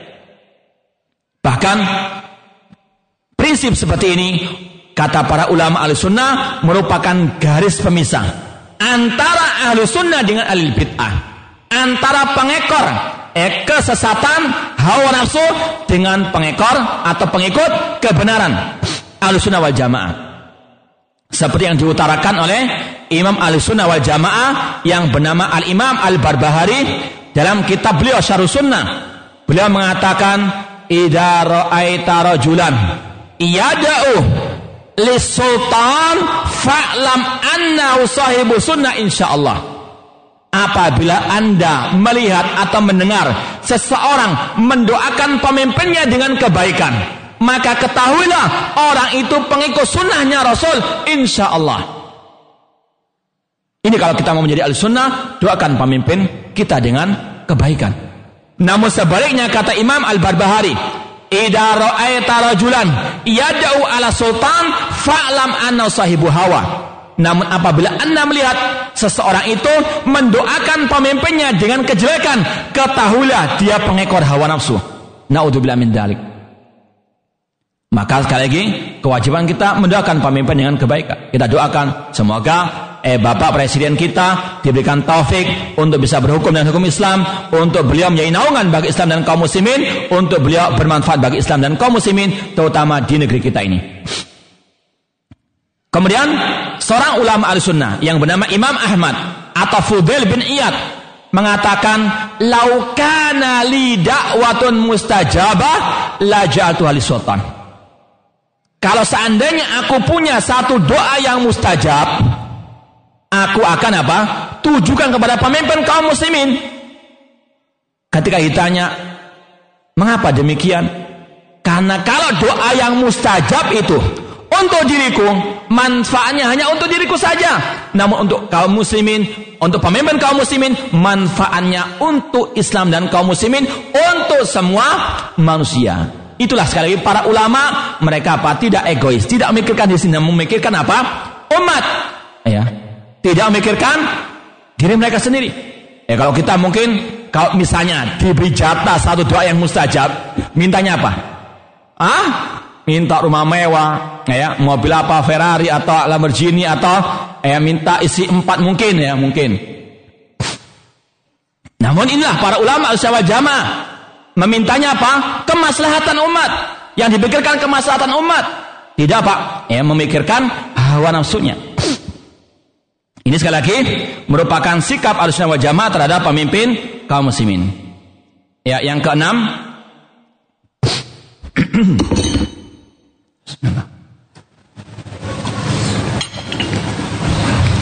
Tidak memberontak terhadap pemimpin kaum muslimin. Ini masih ada keterkaitan dengan yang sudah kita sampaikan tadi, asam wa ta'ah, mendengar dan taat kepada pemimpin kaum muslimin. Para ulama mengatakan memberontak pemimpin itu ada dua macam, dua bentuknya. Al-khuruju bil kauli wal khuruju bil fi'li. Memberontak lewat lisan, ucapan dan memberontak lewat perbuatan. Atau mungkin kalau bisa dikatakan lewat pemikiran dulu. Dan ini yang lebih berbahaya. Memberontak apa? Dengan pemikiran dan ucapan. Kalau dengan perbuatan seperti kelompok teroris ya, membunuh aparat karena apa? Mereka ingin mengkudeta, ingin memberontak, ya. Itu bagi aparat keamanan lebih mudah mengatasi. Karena mereka lebih ahli dalam apa? Ya, persenjataan. Namun yang paling berbahaya yang sampai detik ini belum bisa ditangani pemberontakan lewat apa? Pemikiran, lewat ucapan, ketika mereka para teroris menyebarkan doktrin mereka, menyebarkan akidah mereka, pemikiran mereka, ini yang berat untuk diapa? Sampai mendatangkan ulama-ulama dari dari luar negeri. Kalau masalah apa tembak-tembakan sudah mereka ahlinya, bisa menangani sendiri. Namun ini yang paling berbahaya. Pemberontakan lewat apa? Pemikiran al-khuruj bil wal fikri. Bahkan ketika di penjara mereka apa? Malah menularkan pemikiran-pemikiran mereka kepada orang-orang awam, orang yang jahil. Ini yang lebih berbahaya. Namun sangat disayangkan, ya mungkin kurang tegas, ya dalam masalah pemikiran-pemikiran tersebut. Maka ini di antara apa? Hasil reformasi, ya. Ini yang bertanggung jawab siapa? Bapak reformasi bergenayanya terorisme dengan pemikiran-pemikirannya yang dulu pada saat reformasi atau sebelum reformasi tidak ada eh pemikiran buku-buku teroris ya betul-betul apa disingkirkan ada sedikit pemikiran teroris langsung disikat habis. Kalau sekarang apa? Ham. Ya kan? Namun tidak mikirkan. Kemudaratan di balik semuanya itu. Maka sekali lagi ikhwan fillah wa akhwat rahimallah maka wajib untuk kita berhati-hati daripada eh pemikiran-pemikiran al khawarid teroris yang eh mereka kata Rasul SAW akan terus bergentayangan sampai akhir zaman. Yakhruju qaumun yahudasul asnas sufahul ahlam. Yaqrauna min qali khil bariyah. Saya khruju qaumun fi akhir zaman. Akan muncul pada akhir zaman nanti kelompok-kelompok kaum-kaum yang mereka masih muda namun mereka bodoh dalam urusan agama. Rajin membaca Al-Qur'an. La yujawizu hanajirahum. Namun itu tidak sampai kepada kerongkongan mereka. Bacaannya Masya Allah namun tidak paham Bahkan kata Abdullah bin Umar radhiyallahu anhuma, "Intalaku ila ayatin fil kufar atau nazal fil kufar wajalu halil muslimin." Mereka ambil ayat-ayat yang berkaitan dengan orang kafir, mereka tempelkan kepada orang-orang muslimin. Yaitu apa? Suka mengkafirkan kaum kaum muslimin. Pakai ayat wa man lam yahkum bima anzalallahu faulaika humul kafirun. Barang siapa yang tidak berhukum dengan hukum Allah maka kafir. Mutlak kata mereka. Padahal ulama al-sunnah wal jamaah memperinci masalah itu tidak gegabah mengkafirkan. Dan itulah syiarnya kelompok teroris ya mulai zamannya Ali bin Abi Thalib sampai detik ini Ali bin Abi Thalib terbunuh oleh kelompok Khawarij yang bernama Abdurrahman bin Muljam. Ketika dia mau membunuh Ali bin Abi Thalib, dia membacakan ayat Inil hukmu illa lillah. Tidak ada hukum kecuali hukum Allah. Artinya Ali bin Abi Thalib itu kafir karena tidak berhukum dengan hukum Allah. Seorang khalifah Rasid, seorang menantunya Rasul yang dijamin masuk surga oleh Rasul dibunuh dengan alasan apa? Tidak berhukum dengan hukum Allah. Kalau Ali bin Abi Thalib dituduh seperti itu, apalagi kita, apalagi selain Ali bin Abi Thalib. Apa setelah itu? Beliau mem atau Abdurrahman bin Muljam membawakan ayat wa minan nasi man yashinaf sabtiga amardatillah. Di antara manusia ada orang-orang yang menjual dirinya untuk Allah, berjihad di jalan Allah. Membunuh Ali bin Abi Thalib. Dianggap jihad oleh Abdurrahman bin Muljam. Itu syiarnya kelompok Khawarij sampai detik ini. Yang tidak berhukum dengan hukum Allah kafir. Presidennya kafir MPR-nya kafir DPR-nya kafir polisinya kafir tenang kafir rakyatnya juga apa ini yang sudah apa tercantum dalam buku mereka eh saya pernah eh, membantah buku seperti itu. Eh sama eh, itu. Alasannya tidak berhukum dengan Allah. Bukan hanya presidennya semuanya. Kafir. Mungkin hansipnya satpamnya juga apa ada yang lucu ya. Ketika kita ya mengkritisi mereka di majalah mereka punya buletin ya. Di buletin itu mengatakan yang bergabung bekerja sama loyalitas terhadap bagian-bagian pemerintah yang tohut itu kata mereka maka dia kafir Ketika kita lihat buletinnya, depannya itu atasnya itu ada tulisan buletin ini didirikan oleh yayasan Fulan dan Fulan atas rekomendasi Minko Ham.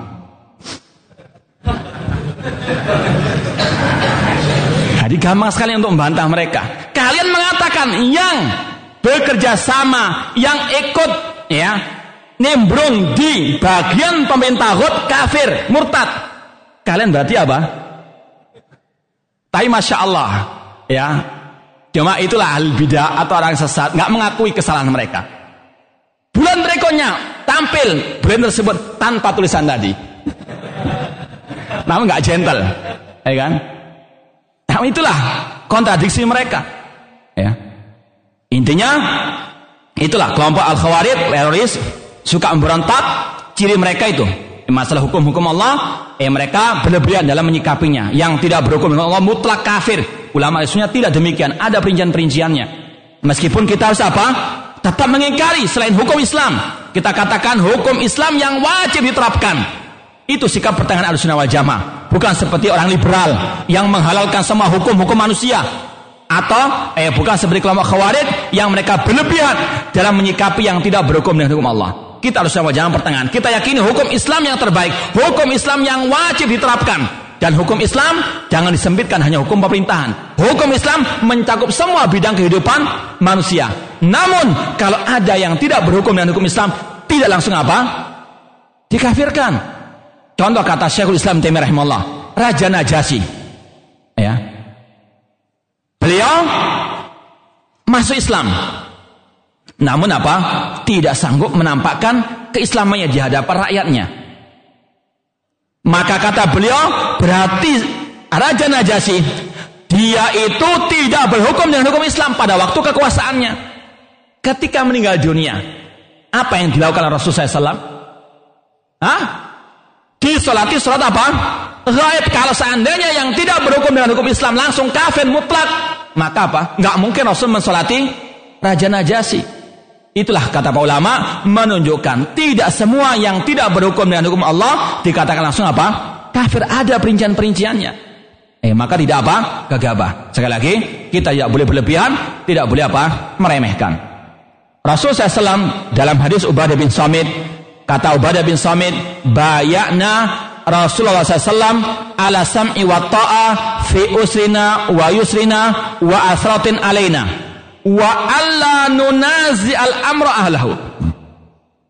Kata seorang sahabat yang bernama Ubadah bin Samit radhiyallahu anhu, kami dahulu pernah membaiat Rasul untuk mendengar dan taat kepada pemimpin kaum muslimin. Dalam waktu susah maupun senang, waktu kita ya, giat ataupun kita malas-malasan, atau dalam keadaan kita ya mendahulukan hak pemimpin di atas hak kita. Kemudian kata Rasul, kata Ubadah bin Samit, wa alla nunazial amru alau. Kita dilarang oleh Rasul untuk memberontak terhadap pemimpin kaum muslimin illa antarau kufran bawahan innakum minallahi fihi burhan kecuali kalau kalian melihat kekafiran yang nyata pada pemimpin tersebut dan kalian memiliki bukti di sisi Allah taala. Hadis riwayat Muslim. Di sini kata para ulama ijma ulama al-sunnah wal jamaah. Seperti kata Imam Nawawi dalam Syarah Sahih Muslim beliau mengatakan ulama salaf telah sepakat bahwasanya haram mengkudeta pemimpin yang muslim selama dia masih muslim bagaimanapun kejahatannya kezalimannya maka tidak boleh diberontak dilengserkan hukumnya haram ijma ulama. Itu kata Imam An-Nawawi rahimahullah taala. Kata Pak ulama boleh mengkudeta kalau terpenuhi dua syarat. Ya dua syarat boleh melengserkan dua syaratnya. Pemimpin itu kafir murtad atau dia non muslim itu syarat pertama boleh apa? Melengserkan namun kalau jelas-jelas? Kalau misalnya dia dulunya muslim, kemudian murtad pindah agama, atau difonis oleh ulama, bukan juhala. Eh, bukan orang-orang yang baru ngaji kemudian oh kafir kafir tidak, tohut tohut kafir bukan itu. Eh, hukumnya ulama fasalu ala dzikri in kuntum la ta'lamun. Ya. Kalau itu sepakat ulama misalnya mengkafirkan, maka jatuh apa syarat yang pertama. Sudah ada syarat yang pertama mengkudeta. Yang kedua, dipikirkan kekuatan kaum muslimin. Jangan sampai apa? Kaum muslimin jumlahnya cuma satu masjid ini melawan misalnya ya pemerintah kafir yang punya ya pasukan yang luar biasa dengan persenjataannya. Ya maka apa? Kerusakannya lebih besar daripada kemadaratannya akan dibantai semuanya. Akan hilang malahan Islam itu. Maka lebih baik bersabar dahulu. Ya maka apa? Syarat orang itu eh syarat boleh mengkudeta kata para ulama dua. Pemimpinnya jelas-jelas kafir. Ya sekali lagi dengan hukumnya para ulama. Yang kedua punya kekuatan dan kerusakannya lebih sedikit daripada apa? Ya kemaslahatannya. Dipertimbangkan kemaslahatan dan kerusakannya. Ini adalah salah satu prinsip dalam dalam Islam. Tidak apa? Eh kalau bahasa kita bonek bondonekat semangat saja tidak Pakai apa? Otak juga. Ya sekali lagi otak jangan ditanggalkan 100%. Dipakai pada apa? Pada tempatnya. Rasul dahulu tidak membunuh orang munafikin. Kenapa? Pertimbangan maslahat dengan kemadaratan. Kata Rasul, kalau aku membunuh orang munafikin, orang-orang yang di luar sana akan mengatakan Nabi Muhammad membunuh para sahabatnya.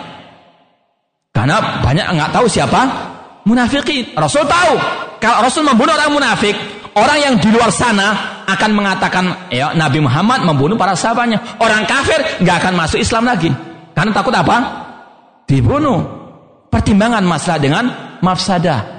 Demikian pula Rasul ketika mau merenovasi Ka'bah, mau membangunnya sebagaimana pada zaman Nabi Ibrahim. Rasul mengatakan, "Laula qaumuki hadisu adin bi kufrin lahadamtu Ka'bata. Wajatuha ala qawaida Ibrahim.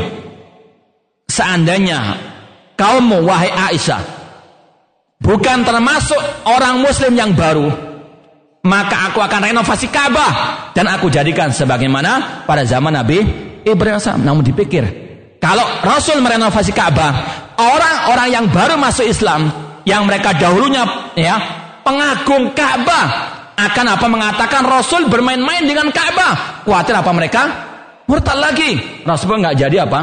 Merenovasi Ka'bah. Pertimbangan masalah dengan masalah bukan asal apa? Serbu, serak, ledakan sebagainya. Tidak pakai apa? Ya. Namun itulah sekali lagi yang harus betul-betul dijadikan bahan renungan bagi kaum kaum muslimin. Kemudian kita bawakan ucapan Al Imam At-Tahawi rahimahullah dalam Al-Aqiyah Tahawiyah beliau mengatakan wala nara al-khuruja ala a'immatina wa injaru kami alusuna wa jamaah tidak memperbolehkan memberontak terhadap pemimpin kaum muslimin meskipun mereka dolim, curang. Ya. Wala nad'u alaihim. Kita tidak mendoakan mereka dengan kejelekan. Wala nanzi'u yadan min ta'atihim. Kita tidak boleh melepaskan ketaatan kita kepada mereka. Wa nara faridatan dan kita yakini atau malam ya'mur bimasiyah kita wajib mentaati mereka selama dalam memaksiat dalam selama tidak memaksiati Allah Subhanahu wa taala. Wa nara ta'atahum min ta'atillahi faridah. Kita yakini mentaati mereka itu merupakan kewajiban yang Allah bebankan kepada kita dan hukum-hukumnya wajib.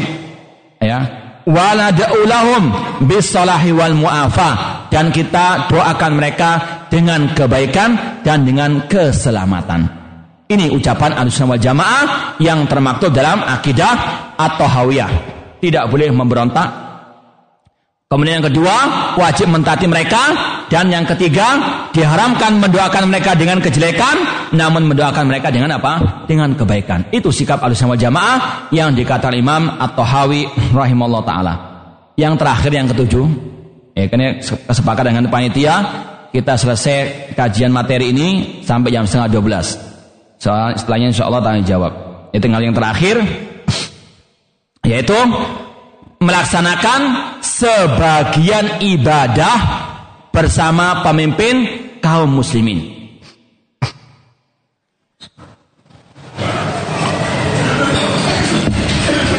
Sekali lagi, ada ubadil ibadat ma'awalil amr. Melaksanakan sebagian ibadah bersama pemimpin kaum muslimin. Di antaranya jihad, yaitu jihadut talab, menyerang orang kafir itu harus bersama pemimpin kaum muslimin. Bukan dengan apa? Pemimpin gerakan bawah tanah. Bukan dengan ya pemimpin pengajian. Ya. Namun dengan apa? Pemimpin kaum muslimin. Entah presiden atau raja ataupun mengkhalifah. Dalilnya apa? Dalam Sahih Bukhari, Rasul mengatakan innamal imam junnatun yuqatalu min waraihi. Sesungguhnya pemimpin kaum muslimin, al-khalifah, raja atau presiden, itu adalah perisai bagi kaum muslimin untuk mereka apa berjihad melawan orang-orang kafir. Rasul mengatakan idastun firtum fanfiru Apabila kalian diperintah oleh pemimpin kaum muslimin untuk berangkat jihad, maka berjihadlah. Kata Syekh Muhammad bin Salih rahimahullah, jihad itu ada dua jihad ya, ada dua macam hukumnya. Ada yang fardu kifayah, ada yang fardu ain. Di antara bentuk jihad fardu ain itu, kalau ada ya seseorang misalnya atau sebagian orang langsung diperintah oleh pemimpin kaum muslimin Orang-orang inilah yang wajib fardu ain untuk berangkat jihad. Yang lainnya apa? Yang lainnya tidak. Ini berarti apa? Jihad menyerang orang kafir harus ada apa? Komando dari pemimpin kaum kaum pemimpin kaum muslimin, bukan pemimpin pengajian-pengajian atau jamaah-jamaah sempalan kaum muslimin. Itu sabda Rasulullah SAW, innamal imam junnatun yuqatalu min waraihi. Kemudian yang kedua, masalah membayar zakat. Itu di antaranya disetorkan kepada pemimpin kaum muslimin. Makanya ada apa? Wal amilina alaiha. Amil apa? Amil zakat yang langsung dikomandoi oleh pemimpin kaum muslimin. Amil zakat inilah yang mendatangi rumah-rumah untuk mengambil zakatnya kaum muslimin yang memang sudah wajib untuk apa? Dikeluarkan dan mereka berhak memaksa. Makanya beda dengan amil zakat yang ada di takmir masjid. Mereka bukan amilina aleha yang nggak berhak mendapatkan zakat, ya. Karena mereka cuma duduk di kantor, ya, menunggu apa? Datangnya orang bayar zakat. Tidak punya apa power untuk memaksa mereka-mereka yang membayar harus membayar apa? Zakat. Ya maka harus dibedakan. Itu bukan al-amilina. Jangan sampai apa? Saya kan amilina berhak mengambil dapat zakatul mal. Bukan. Yang zakatul mal itu al-amilina yang dari pemerintah kaum kaum muslimin. Nah, kalau betul-betul kita waspada. Kemudian yang ketiga, beribadah dengan pemerintah kaum muslimin yaitu di antaranya salatul id ya salat idul fitri begitu pula idul al adha dan ini yang termaktub dalam kitab kitab akidah ulama salaf. Kalau kita buka kitab syarhu usul itiqad al sunnah wal jamaah karangan imam al lalikai jilid yang pertama itu disebutkan akidah akidahnya ulama salaf ada akidahnya Imam Ahmad, akidahnya Imam Bukhari, demikian pula ada akidahnya Imam Sufyan Ats-Tsauri rahimahullah taala. Sufyan Ats-Tsauri pernah mengatakan kepada muridnya yang bernama Syuaib, "Ya Syuaib, la yanfa'uka ma katabta hatta tarassalah khalfa kulli barin wa fajirin."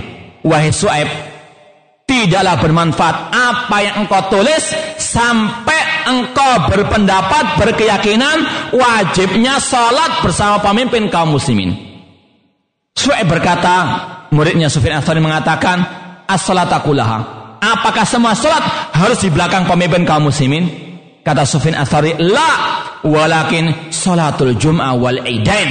Akan tapi salat Jumat dan salat Idul Fitri, Idul Adha, waktunya harus bersama dengan pemimpin kaum muslimin. Ini sebetulnya apa? Putusan atas polemik yang terjadi setiap apa? Tahunnya. Tidak ada dalam Al-Quran perintah ikut ormas, tidak ada. Atau mentaati ormas tidak ada. Yang ada apa? Ya ayuhalladina amanu ati Allah wa ati Rasul wa ulil amri minkum. Bukan ikut apa? Ormas. Ini adalah apa? Perintah Allah, perintah Rasul. Dan ini adalah manhaj salaf. Ikut hari raya bersama pemimpin kaum muslimin. Dan itu yang terjadi pada zaman salafus saleh. Tidak ada yang ikut apa? Ya, ikut pendapat yang syafi'i, ikut pemerintah. Bahkan kata ulama sepakat mengatakan istihadul hakim yarfal khilaf. Istihadnya keputusannya pemerintah itu menyelesaikan semua apa? Polemik. Ya. Naudzubillah min Namun itulah ya orang-orang yang ya menyimpang dari ajaran Al-Qur'an dan Sunnah pada jelas pada zaman sahabat Abdullah bin Umar mengatakan taro annasu al-hilala. Manusia mengaku-ngaku mengatakan kami melihat hilal Ramadan. Fa akhbartun nabiyya sallallahu alaihi wasallam anni itu. Lalu aku pun mengabarkan kepada Rasul, aku melihat hilal. Ini sikap para sahabat. Dia langsung mengumumkan sekarang Ramadan. Datang dulu kepada siapa? Pemimpin kaum muslimin. Waktu, waktu itu siapa? Rasul SAW. Fasama wa amran nasa bisyami.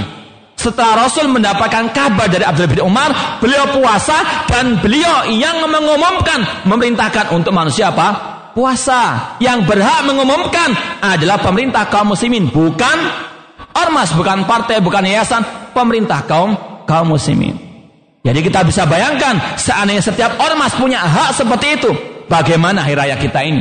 Bagaimana suasananya?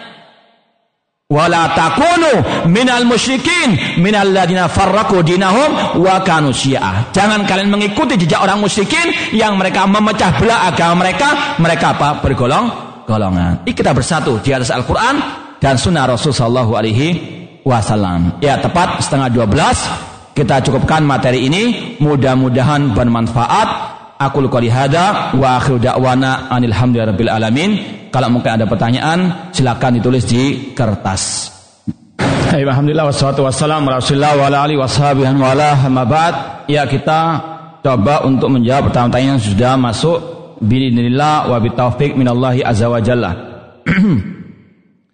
yang pertama, pertanyaannya pemimpin di salah satu provinsi adalah muslim yang berasal dari partai muslim. Pertanyaannya, sampai sejauh mana tanggung jawab pemimpin tersebut terhadap maksiat yang ada sebagai tempat pelacuran, diskotik, bar, restoran minuman dan, dan kekerasan? Apakah lebih baik jadi pemimpin atau rakyat di negeri kita ini? Yang pertama, kita katakan Rasul SAW mengharamkan untuk kita meminta kepemimpinan. Rasul mengatakan kepada sahabat beliau Abdurrahman bin Samurah, "Ya Abdurrahman bin Samurah, la tas'alul imarah." Wahai Abdurrahman bin Samurah, la tas'alul imarah. Jangan engkau meminta kepemimpinan. Jangan jadi apa? Caleg atau yang lainnya. Ya. Ini apa sabda Rasul SAW? Fa innaha takun nadamatan yaumal qiyamah. Karena meminta kepemimpinan itu akan menjadi penyesalan pada hari hari kiamat kelak. Yang dipikir sebagian orang sekarang ini apa? Dapat kedudukan, kekayaan, mudah, eh berbisnis dan sebagainya. Lupa dengan apa? Tanggung jawab di akhirat kelak. Ya, padahal ini masa yang besar. Itu yang pertama. Namun kalau sudah jadi harus apa? Betul-betul bertanggung jawab bahwasanya kewajibannya sebagai pemimpin man ra'a minkum mungkaran falyughayyiru bih biyadi punya kekuasaan larang kemungkaran dengan kekuatannya. Dipaksa untuk apa? Dihilangkan. Ya dengan resiko apa? Ya hilang jabatan dan sebagainya. Karena pada hari kiamat akan diminta apa? Potong jam. Kullukum ra'in wa kullukum mas'ulun an ra'iyati kalau diam takut kedudukannya dilengserkan, maka pada hari kiamat pasti akan apa? Diminta pertanggungjawaban oleh Allah Subhanahu wa taala. Jangan enak-enakan sekarang ya ada pengawalnya, ada mobil mewah, rumah mewah dan sebagainya. Namun pada hari kiamat ya akan diminta pertanggungjawaban yang berat di sisi Allah Subhanahu wa taala. Semaksimal mungkin kalau dia jadi pemimpin melarang kemungkaran apalagi kesyirikan. Bukan hanya apa? Bukan hanya maksiat seperti ini khamar pelacuran yang lebih dasar melarang kesyirikan. Eh penyembahan terhadap kuburan-kuburan keramat. Bisa enggak? Hah? Makanya Pak, jangan coba-coba jadi apa? Berat. Nah, tanggung jawabnya di hari kiamat kelak. Jika pemimpin kita kaum kufar, bagaimana cara kita mentaatinya? Sudah kita sampaikan, secara asal pemimpin kafir tidak layak jadi pemimpin kaum muslimin. Ya, itu sudah ada syarat untuk dikudeta. Namun harus pikirkan yang kedua, masalah dengan mafsadahnya. Namun kalau tidak bisa, apa sikap kita? Ya sudah dengan keterpaksaan kita apa? Sabar. Ya, untuk apa? Mentaatinya dengan apa? Dengan niat bukan mentaati Allah dan Rasulnya dalam artian karena keterpaksaan tersebut untuk membendung pintu apa? Kerusakan yang lebih besar lagi. Namun tetap kita apa? Berusaha untuk eh, mencari solusi yang terbaik ya intasbiru wa tattaqu la yadurukum kaidum syai'ah. Tadi Ustadz mengatakan Bapak bap, eh, Bapak Presiden kita yakni Bapak Joko Widodo hafidahullah. Apakah yang dimaksud beliau adalah seorang hafid Al-Qur'an? ya tidak apa-apa yang ditawakan orang bertanya kok. Ya, hafidahullah itu doa yang artinya semoga Allah menjaga beliau. Ini doa apa? Kebaikan untuk beliau. Seperti para ulama, Asyikh Ali bin Hasan hafidahullah. Itu apa? Doa kebaikan untuk mereka para ulama dan para apa? Al-umara juga. Ya. Pernah satu saat ini juga lucu. Seorang takfiri yang katanya sekarang ini berangkat ke ISIS sana katanya gabung. Dia pernah mendatangi majelis saya. Kemudian tiba-tiba mengatakan ya. Mengapa engkau mengatakan Bapak SBY hafidahullah kenapa nggak mengatakan hadahullah? Eh saya jawab mengapa atau apakah ada dalil yang membedakan antara keduanya? Dia mengatakan ya sudah jangan bicara masa ini juga. Stop sudah. Kenapa nggak berdalil ucapannya? Ya.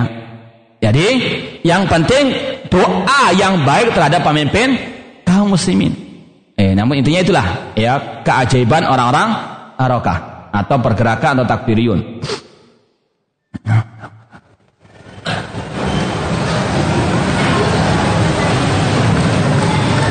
Apakah yang harus kita lakukan terhadap pemimpin kafir dan bolehkah jika di sebuah kampung kita mengajukan diri menjadi seorang kepala desa karena pendidikan kita yang lebih tinggi daripada orang yang lain di kampung itu? Ini namanya sombong. Ya. Ya jelas, ya kalau sudah sombong begini, ini belum jadi kepala desa sudah sombong. Apalagi kalau jadi apa? Ya, naudzubillah min jadi apa desa tersebut? Ya, ini tidak layak jadi apa? Ya, ingat Abu Bakar As-Siddiq, ya, lebih tinggi pendidikannya beliau daripada Anda. Ya, manusia terbaik setelah Rasul ketika diangkat sebagai sudah jadi khalifah, dibayat, apa kata beliau? Lastu bi khairikum. Aku bukan yang terbaik di antara kalian. Itu Abu Bakar Siddiq. Ciri pemimpin yang baik. Tawadhu. Ini punya di pemimpin sudah apa? Naudzubillah. Ya kan? Nggak layak. Jangan jadi calon eh kepala desa, ya. Ada pondok pesantren yang bermanhaj salaf. Salat hari raya menyelisih pemerintah. Bagaimana Ustaz? Eh, sudah kita katakan bahwasanya manhaj salaf itu yang hak maksum dari kesalahan. Namun person-personnya, yayasan-yayasannya, mahat-mahatnya tidak selalu apa? Maksum dari kesalahan. Ya bedakan antara metode salaf itu hak kata Syekhul Islam Taimiyah rahimahullah.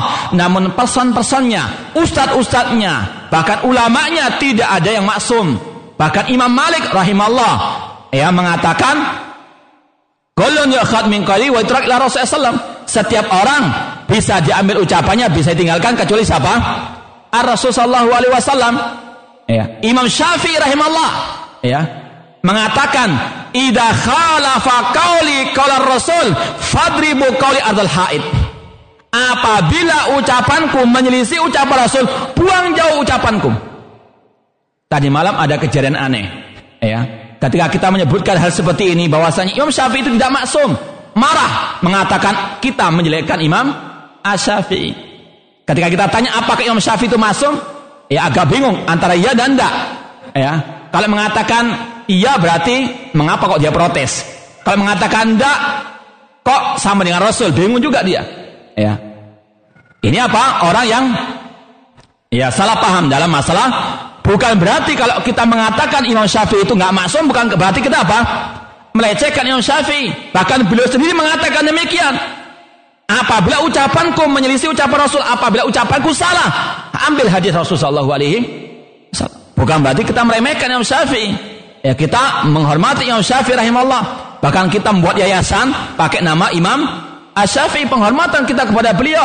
Akan tapi itulah ya sebagaimana kata sebagian penyair-penyair penyair mengatakan wa kamin aibin kaulan sahiha wa afatu minal fahmi sakim. Berapa banyak orang yang mencela ucapan yang benar penyebabnya pemahaman yang yang jelek, pemahaman yang yang buruk atau mungkin suudzon ya.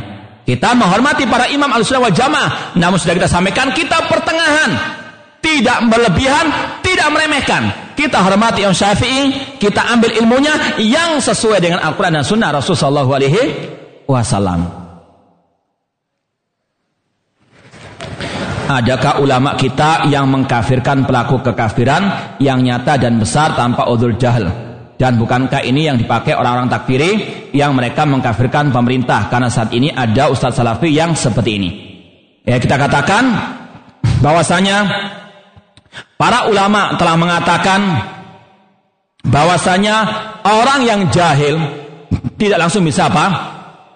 dikafirkan. Apa dasarnya? Kisah para sahabat Rasulullah SAW yang mereka ingin dibuatkan pohon keramat Kata seorang sahabat yang bernama Abu Waqid Al-Laythi, kharajna ma'a Rasulullah SAW ilal Hunain. Dahulu kami pernah pergi bersama Rasul ke, ke, ke Hunain. Fam wa, wa, wa kunna hadisu ahdin bikufin. Dan kami baru masuk Islam. Mu'allaf. Ma, famaronna bisidratin. Ya, kami pun melewati sebuah pohon bidara. Fakunna ya Rasulullah ij'al lana dzata anwatin kamalam dzata anwat. Ya Rasulullah, buatkan untuk kami pohon keramat sebagaimana orang musyrikin punya pohon keramat. Ini ucapan benar atau betul? Hah? Syirik. Minta apa? Dibuatkan pohon keramat. Apakah Rasul mengkafirkan mereka? Apakah Rasul menyuruh mereka mengulang syahadat lagi? Tidak. Rasul mengingkari ucapan tersebut. Allahu Akbar. Inna hasunan kama qalat Bani Israil Musa ij'alana ilahan kama lahum aliha. Ini adalah ucapannya Bani Israel kepada Musa. Wahai Musa, buatkan bagi kami sesembahan sebagaimana mereka punya sesembahan. Rasul mengingkari, namun Rasul tidak mengkafirkan. Itu kaidah al wal jamaah. Tidak semua ucapan kufur, perbuatan kufur menjadikan pelakunya apa? Kafir. Bisa jadi karena jahil. Sebagaimana para sahabat kemarin atau tadi ya mengatakan buatkan pohon keramat itu ucapan kufur. Namun Rasul tidak apa? Mengkafirkan. Karena Rasul tahu mereka baru masuk Islam baru apa? Eh jahil terhadap al Islam. Maka yang benar eh bahwasanya ada udur dalam kejahilan. Kalaupun ada seorang ulama yang mengatakan Tidak perlu, tidak perlu diambil eh kejahilannya tersebut. Tidak ada udur bagi kejahilan. Yang pertama itu menyelisih Rasul. Ya, kita manhaj al-sawajah mengatakan kita hormati ulama, kita ambil ilmu ulama selama apa? Tidak bertentangan dengan Al-Quran dan Sunnah Rasul Sallallahu Alaihi Wasallam. Tidak kita mengkultuskan eh semua ucapan ulama tidak. Kita timbang lagi dengan timbangan Al-Quran dan Sunnah Rasul Sallallahu Alaihi Wasallam.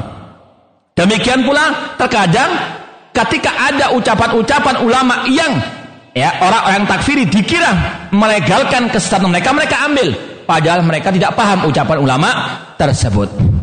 Jadi sekali lagi, yang benar ada udur dalam kejahilan ketika orang itu jatuh ke dalam perbuatan atau ucapan yang kufur. Apa beda orang kafir dengan orang munafik? Orang munafik, orang kafir, ya. Kekafiran itu banyak macamnya. Jadi semua yang munafik, ini kita bicara ya kata ulama kufur ada dua. Kufur kecil kufur besar. Kufur besar mengeluarkan pelakunya dari dari Islam. Kufur kecil tidak. Syirik juga ada dua. Syirik kecil syirik besar. Syirik kecil seperti ria eh, ingin dipuji ketika beribadah. Syirik besar menyembah wali-wali yang telah mati. Itu syirik besar. Kemunafikan juga ada dua kemunafikan yang kecil dan kemunafikan yang apa besar, berdusta, itu ciri orang munafik, kuf uh, nifakun asghar. Maka harus kita apa bedakan? Sekarang kita berbicara masalah kufur, nifak dan syirik besar saja. Kufur besar itu ada enam macamnya kata pak ulama. Siapa yang bisa menyebutkan?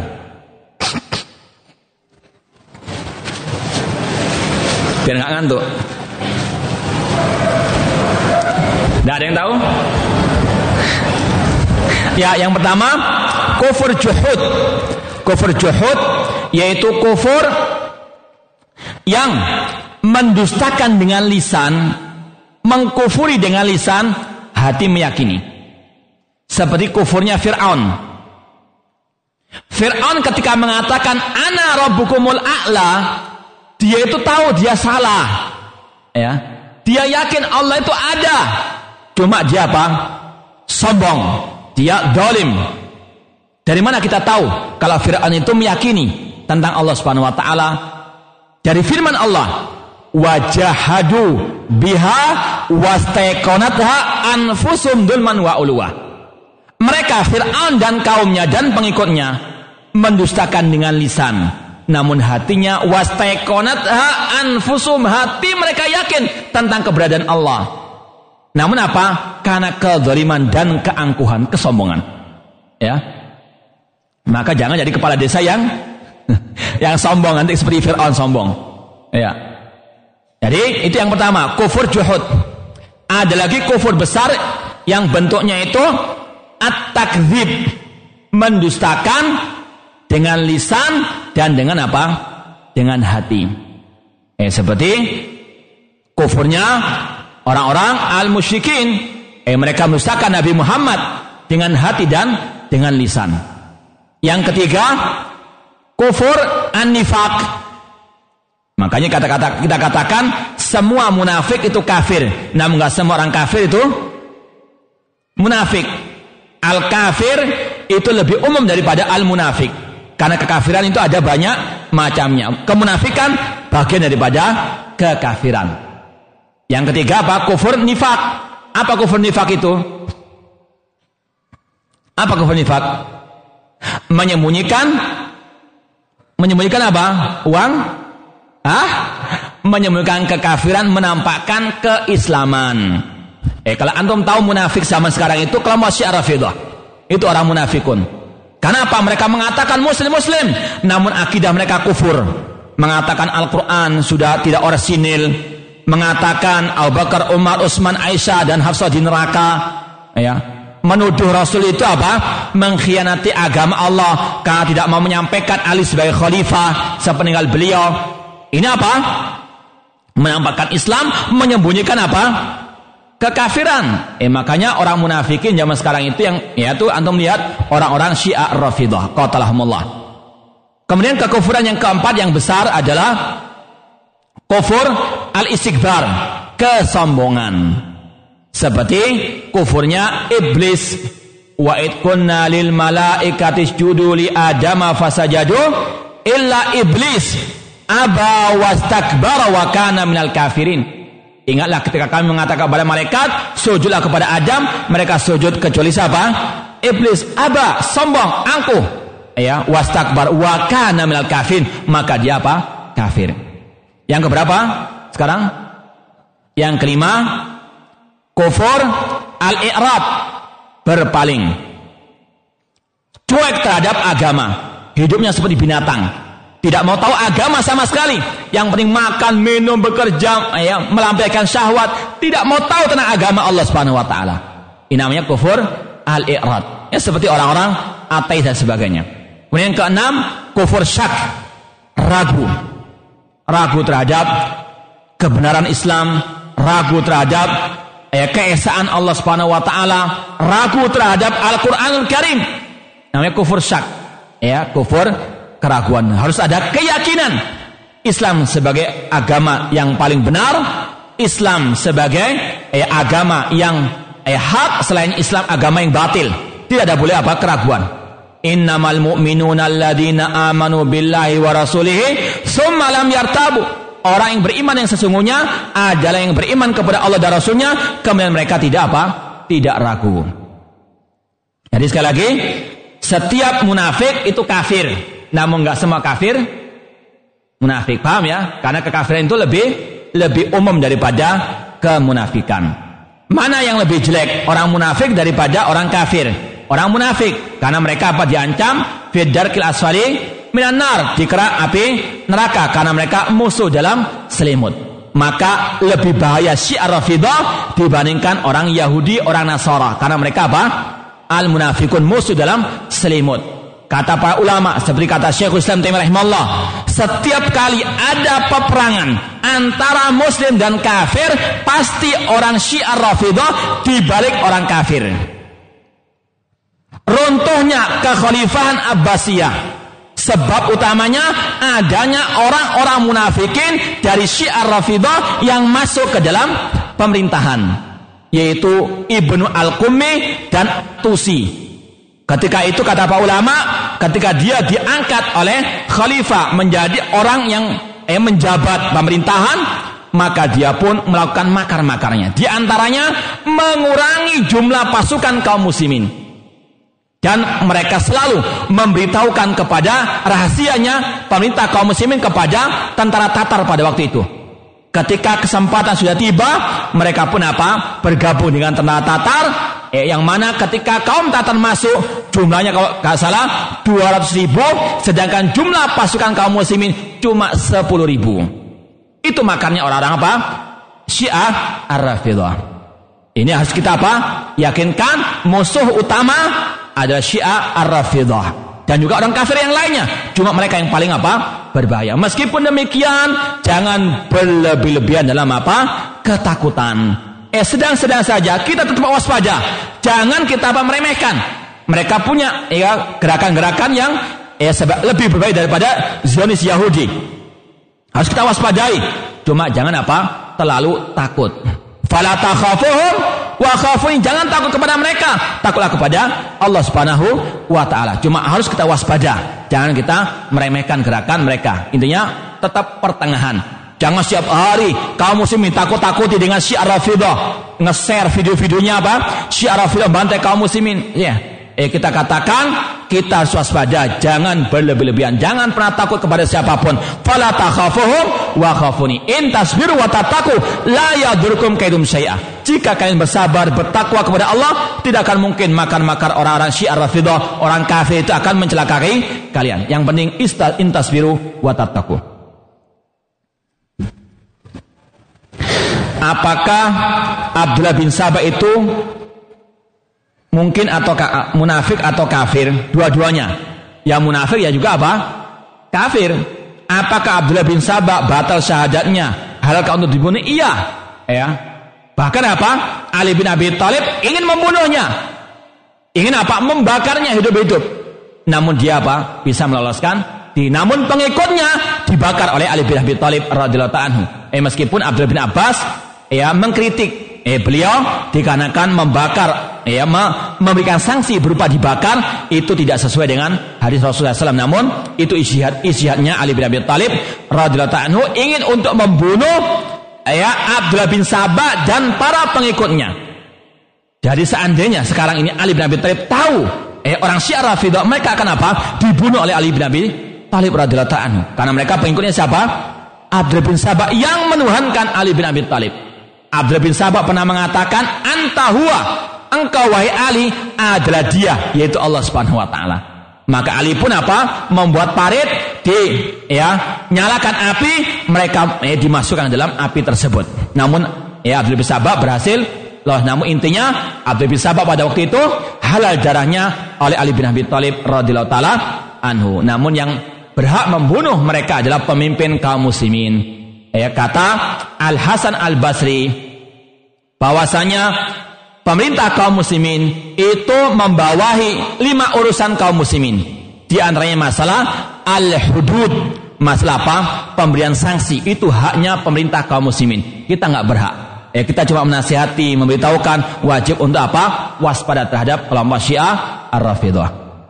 Makanya kita serukan kepada pemerintah kita, kalau pemerintah kita ini gencar memberantas terorisme, maka yang lebih berhak untuk di ya, basmi adalah kelompok Syiah Rafidah. Karena mereka lebih berbahaya daripada kelompok teroris yang ada. Bahkan kalau bisa dikatakan mereka adalah bapaknya teroris di dunia ini. Kelompok siapa? Syiah Rafidah. Bagaimana saudara kita kaum muslimin di Suriah ratusan ribu dibantai oleh siapa? Kelompok Syiah An-Nusairiyah, kelompok Syiah Rafidah. Sampai sekarang ini sudah hampir tiga tahun mereka apa? Dibantai oleh kaum Syiah Rafidah dan kaum Syiah An-Nusairiyah. Eh bahkan kalau kita lihat sejarah, ya itulah para ulama mengatakan bahwanya mereka bukan kaum muslimin sama sekali. Karena mereka sering membantai kaum muslimin. Di mana saja mereka punya kesempatan dan kekuatan.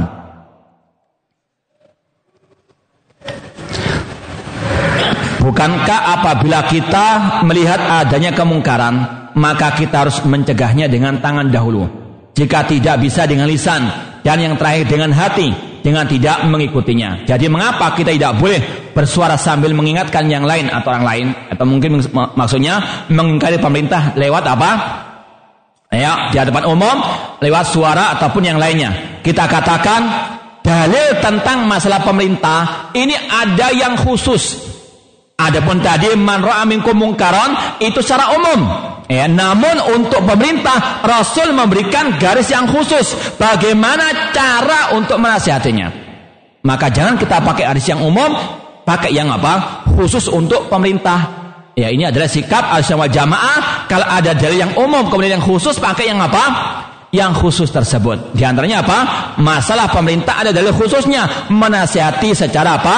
Berduaan. Dan itu yang dipraktikkan oleh para sahabat Ar-Rasul sallallahu alaihi wasallam. Pernah suatu saat Imam Ahmad rahimahullah didatangi oleh fukoha Baghdad. Mereka berkumpul di rumahnya Imam Ahmad. Untuk apa? Bermusyawarah mengkudeta Al-Khalifah Al-Wasik pada waktu itu. Kata para fukoha tersebut bahwasanya fitnah masalah Al-Quran makhluk itu telah menyebar di mana-mana. Artinya pemerintah pada waktu itu Al Khalifatul Wasik membuat undang-undang buatan, membuat hukum yang kufur. Apa itu? Mewajibkan semua rakyat meyakini Al-Quran adalah makhluk. Padahal Al-Quran adalah apa? Kalamullah. Al-Quran sifat Allah. Ya. Sepakat ulama ahli sunnah mengatakan, Man Al-Quran makhluk fakot kafar. Barang siapa mengatakan Al-Quran makhluk maka dia kafir. Namun Imam Ahmad rahimahullah ketika mengetahui khalifah mulai dari khalifah Ma'mun kemudian juga Al-Wasik mengatakan seperti itu tidak langsung dikafirkan. Ini sikap Ahlussunnah wal Jamaah, tidak gegabah mengkafirkan. Kecuali yang jelas-jelas apa? Kekafirannya seperti Syiar Rafidah. Di sini Imam Ahmad ketika didatangi oleh para fuqaha Baghdad, mereka ingin mengkudeta karena Al-Wasik membuat undang-undang yang kufur. Apa kata Imam Ahmad rahimahullah? Alaikum bil ingkari fi kulubikum wala takhlau yadan min ta'atin. Wajib bagi kalian mengingkari dengan hati-hati kalian. Itu sudah cukup sudah. Jangan apa? Kalian memisahkan dari apa? Barisan kaum muslimin. Kemudian beliau mengatakan, waspadalah. Jangan kalian menumpahkan darah kalian dan darah kaum muslimin. Itu Imam Ahmad rahimahullah. Imam Ahlu Sunnah wal Jamaah bijak tidak apa? Ikut emosi terbawa arus tidak. Eh, beliau menasihati para fuqaha pada waktu itu untuk bersabar. Wasbiru kata beliau. Ini sekali lagi, kalau kita mau ikut al ulama, jangan ikut apa? Yang lama atau juhala. Bagaimana kalau kita dapati pemimpin yang kafir apa sikap ini sudah kita sampaikan tadi? Pemimpin yang kafir tidak ada kewajiban untuk kita mentaatinya kecuali kalau terpaksa.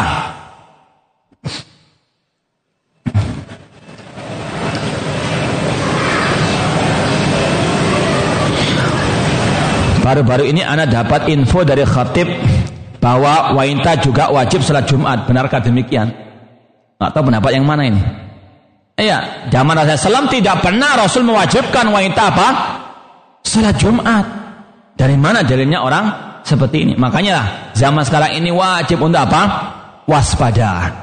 Apalagi Rasul mengatakan, Innama akhaful ala ummati al-a'immatal mudillin. Yang aku khawatirkan atas umatku, pemimpin-pemimpin, ulama-ulama yang mudil, yang menyesatkan. Ya. Rasul juga mengatakan, Du'atun ala abwa jahannam. Man ajabah milaiha qadhafuhu fiha.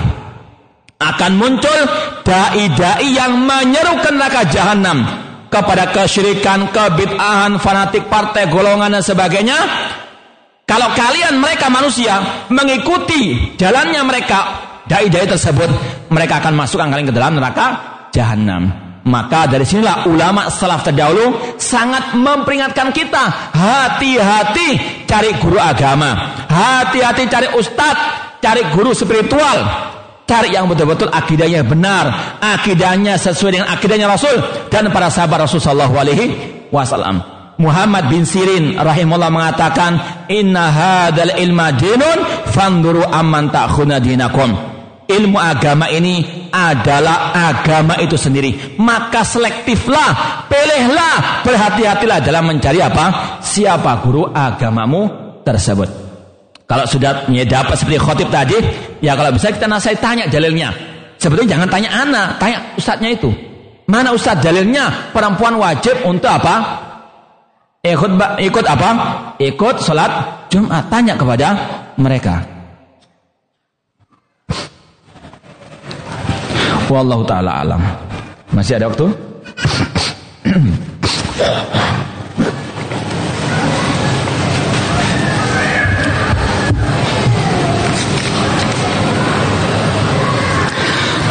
Apa maksudnya walaupun pundakmu dipukul, hartamu dirampas, kan negara kita negara negara hukum. Kalau seandainya ada, ini seandainya ada pemimpin yang dolim, ada harta rakyatnya yang dirampas, atau dia dihukum dengan cara yang dolim, seperti misalnya Imam Ahmad tadi.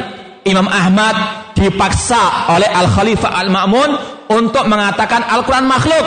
Beliau tidak mau, ya. Kenapa? Itu maksiat, bahkan itu kufur. Makanya ketaatan kepada penguasa dalam hal yang apa? Yang tidak bermaksiat. Imam Ahmad dipaksa mengatakan Al-Quran makhluk, beliau tidak mau.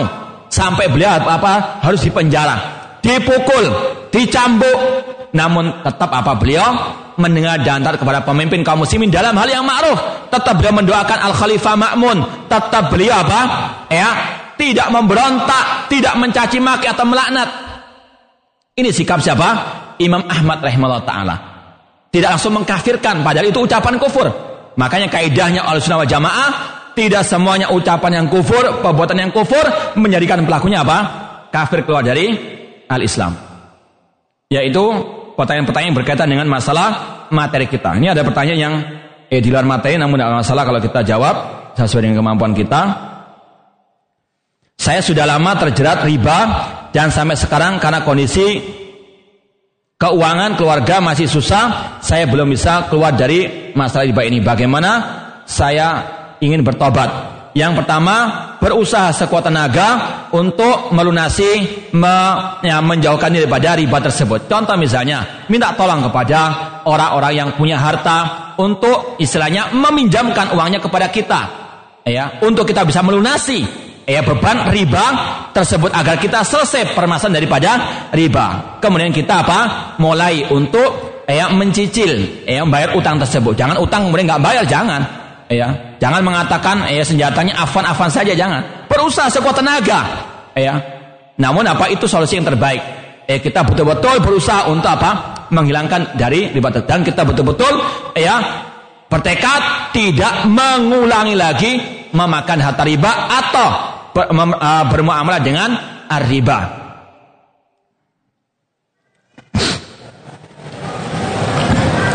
Apakah semua asuransi itu haram? Bagaimana dengan asuransi mobil? Ya, yang kita ketahui eh, kebanyakan asuransi itu adalah perjudian. Seperti kita kalau misalnya togel, kita membayar pakai nomor kemudian kalau dapat kita dapat lebih banyak. Namun kalau tidak, kita apa? Antara buntung dan apa? Untung. Ya kan? namanya spekulasi, namanya al-maisir perjudian. Sama juga dengan itu. Kalau kita bayar, kita kecelakaan, naudzubillah min dalik, kecelakaan malah senang kalau dapat apa? Asuransi. Ini sekali lagi kata ulama termasuk bentuk perjudian.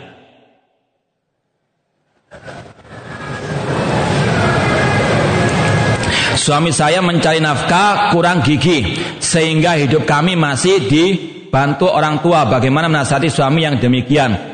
ya terus kita mendoakan ya, suami tersebut untuk mendapatkan hidayah dan kita sampaikan bahwasanya kewajiban suami ar-rijalu qawwamun 'alan nisa bima faddala al-ba'd 'ala ba'din wa bima anfaqu min amwalihim. Harus semangat dalam apa? Menafkahi keluarga karena itu kewajiban seorang suami yang itu akan diminta pertanggungjawaban pada hari hari kiamat. Kullukum ra'in wa kullukum mas'ulun an an ra'iyatihi. Ya, makanya kita contohkan. Jadi kepala rumah tangga saya tidak becus, apalagi eh, ya nggak mudah jadi pemimpin. Ya, ini apa? Menunjukkan bahwasanya kewajiban kita untuk selalu introspeksi diri kita. Maka bagi kepala rumah tangga harus tahu kewajibannya. Eh jangan hanya eh ngaji saja, namun melupakan keluarga. Mengaji wajib, namun keluarga juga wajib untuk di dinafkahi, menggabungkan antara dua kemaslahatan. Eh, namun sangat disayangkan ada sebagian orang yang semangat ngaji-ngaji, namun apa? Gak mau kerja, ya. Apalagi alasannya istri punya harta, istri punya ya pekerjaan, cukup dengan hartanya istri. Maka ini kata Rasulullah SAW, ilam tastahyi fasna masita. Jika engkau tidak malu, berbuat apa? Sekarang apa nggak malu perempuan yang cari nafkah? Dia cuma modern madin apa? Ngaji saja. Eh pakai cadar saja biar nggak kelihatan malunya. Eh kan? Ini laki-laki yang tidak layak jadi apa ya? Jadi laki-laki, ya. Karena kata panitia waktunya sudah selesai, kita cukupkan sekian. Kurang lebihnya saya mohon maaf dan terima kasih atas perhatiannya wa jazakumullah khairan katsira dan saya ucapkan banyak terima kasih kepada panitia yang telah mengadakan acara seperti ini. Mudah-mudahan Allah SWT memberikan banyak pahala kepada mereka dan kepada kita semuanya. Aku qouli hada wa akhu da'wana anil alamin. Wassalamualaikum warahmatullahi wabarakatuh.